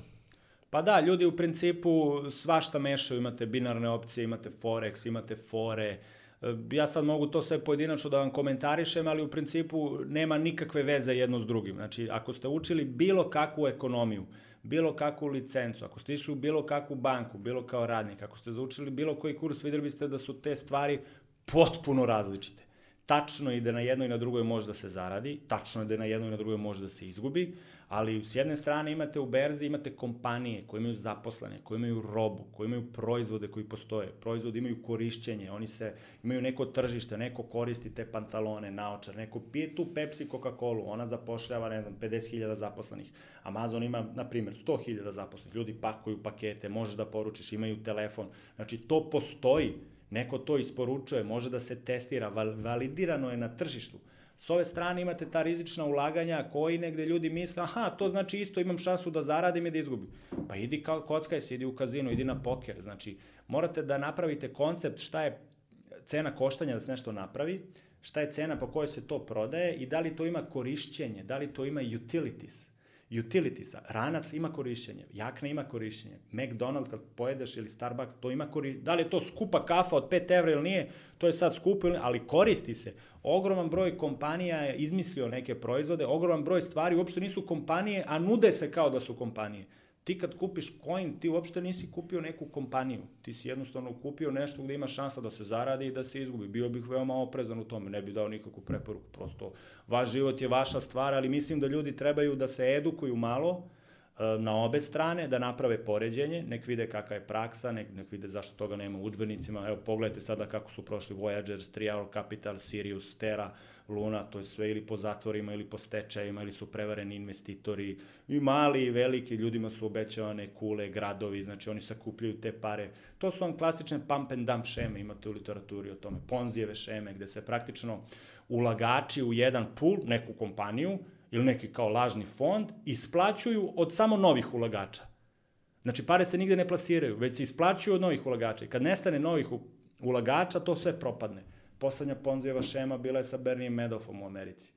E, jel me razumete? I često se pojave te Ponzijeve šeme, to vam je klasična špekulacija. Znači, razlika među investitora i špekulanta je upravo u tome. Vi kad investirate, kupujete stan u kojega nekoga ubacite pod rentu i on vam plaća rentu. To je investicija. Kupite farmu, imate poljoprivredno zemljište koje odbacuje neki kukuruz, kokoške, neke, neka jaja, koji imaju neku, neki proizvod koji odbacuju, ali taj proizvod neko koristi. Znači, Nije to proizvod kao neki koji ne treba nikom, već proizvod koji se koristi, koji ima broj ljudi koji to trajno koriste i to je investicija.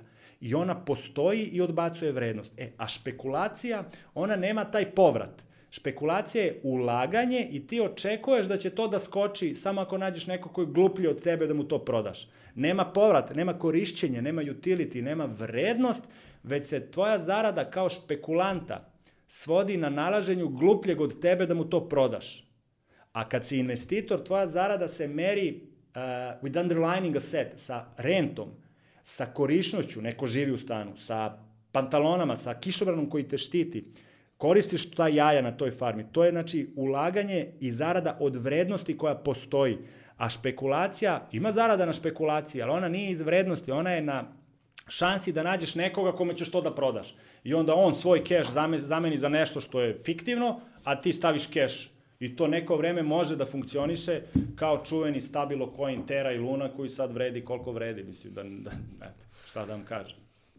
Evo za sam kraj da pređemo na, na edukaciju i na preporuku knjiga za ljude koji žele da uđu ili koji su, mm -hmm. koji su već tu u, Bravo. u investiranju u američku berzu, je berzu generalno. Odlično. Evo, ja sam izvukao tri, četiri knjige. Knjiga nad knjigama je Intelligent Investor, znači od Benjamina Grema. Ima na engleskom, možete uzeti na Amazonu, a vidim ima i na srpskom čak prevedena. Ja sam je čitao nekoliko puta na engleskom, odlična je. Intelligent Investor govori o opcijama ulaganja u obeznice, u akciju, u američku berzu u nekom periodu 30, 40, 50, 60 godina. Ima gomila interesantnih slučajeva, baš ovako interesantna. Znači, Intelligent Investor. Uh, to je za kvalitatno sagledavanje mogućnosti zarade, ali i nezarade. Znači, jedno je da imate priliku, a drugo imate šansu da izgubite. To je knjiga o tome. Druga knjiga je istoriobiografski roman, zove se ovaj, Zver sa Wall Streeta od Jordana Belforta. Ima film, ali eto, ja sam čitao knjigu, odlična je, istorijska priča o brokerima, barkanskim, berzanskim ulagačima i mešetarima. Znači, sve ovo što smo mi pričali, oni to nisu. Radili su prevare, radili su te takozvane pump and dump šeme. Kao brzo kupi, kupi, prvo skovati, i onda on proda svoje, a ti propadneš. Znači, slično ovim prevarnim šemama Tako da knjigu uvek svima preporučujem, znači Zver sa Wall Street ima oko 600 strana, ima na srpskom, interesantna je, pošto je životna priča, čovjek i dan danas postoji i kaje se što je to sve radio. Na nekoliko mesta je opisao kako su tačno organizovano prevarili investitore na pump and dump šemama. Kao kupi ono, obećava, ima i ono i ovo i ti uložiš i ono sve propadne. Čovjek je završio u zatvoru i tako dalje. Znači, Zver sa Wall Street.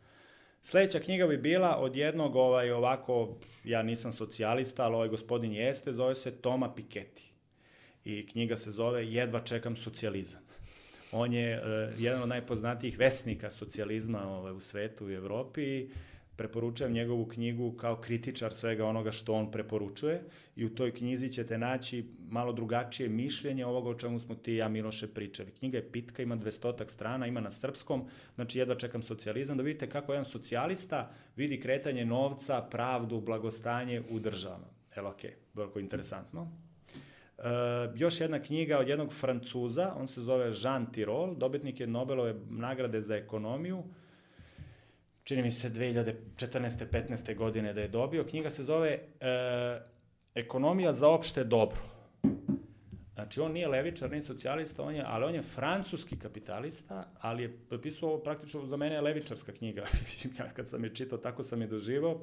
I može vam otvoriti neka nova polja kako to jedan francuz biznismen, ekonomista eko, iz ekonomije to vidi, a Nobelovac je. Znači, Ekonomija za opšte dobro, Jean Tirol. Eto, vrlo interesantna knjiga, mislim ako budete imali vremena, poručite ima u knjižarama da se kupi, ne morate na Amazonu, da vidite iz francuskog ugla kako je to on, oni sporije sve gledaju. Sve ovo što smo mi pričali kako funkcioniše u Americi, kako jedan Nobelovac, čovjek, nesporni autoritet, kako on to sve drugačije vidi i kapira. Znači, ovu literaturu sam nabrao e, namerno kao kontraargument za sve ovo što smo mi pričali da se ljudi ne zalete, da vide da postoje i druga mišljenja. Znači, Intelligent Investor, Zver sa Wall Streeta, jedva čekam socijalizam i e, ekonomija za opšte dobro, Jean Tirol. To je to, stigli smo do samog kraja. Nemanja, hvala ti što si bio gost Moja Amerika podcasta. Miloše, nemam reči, ovaj, hvala ti na pozivu, stvarno sam uživao u emisiji kod tebe. A mi se vidimo u nekoj narednoj epizodi. Ćao.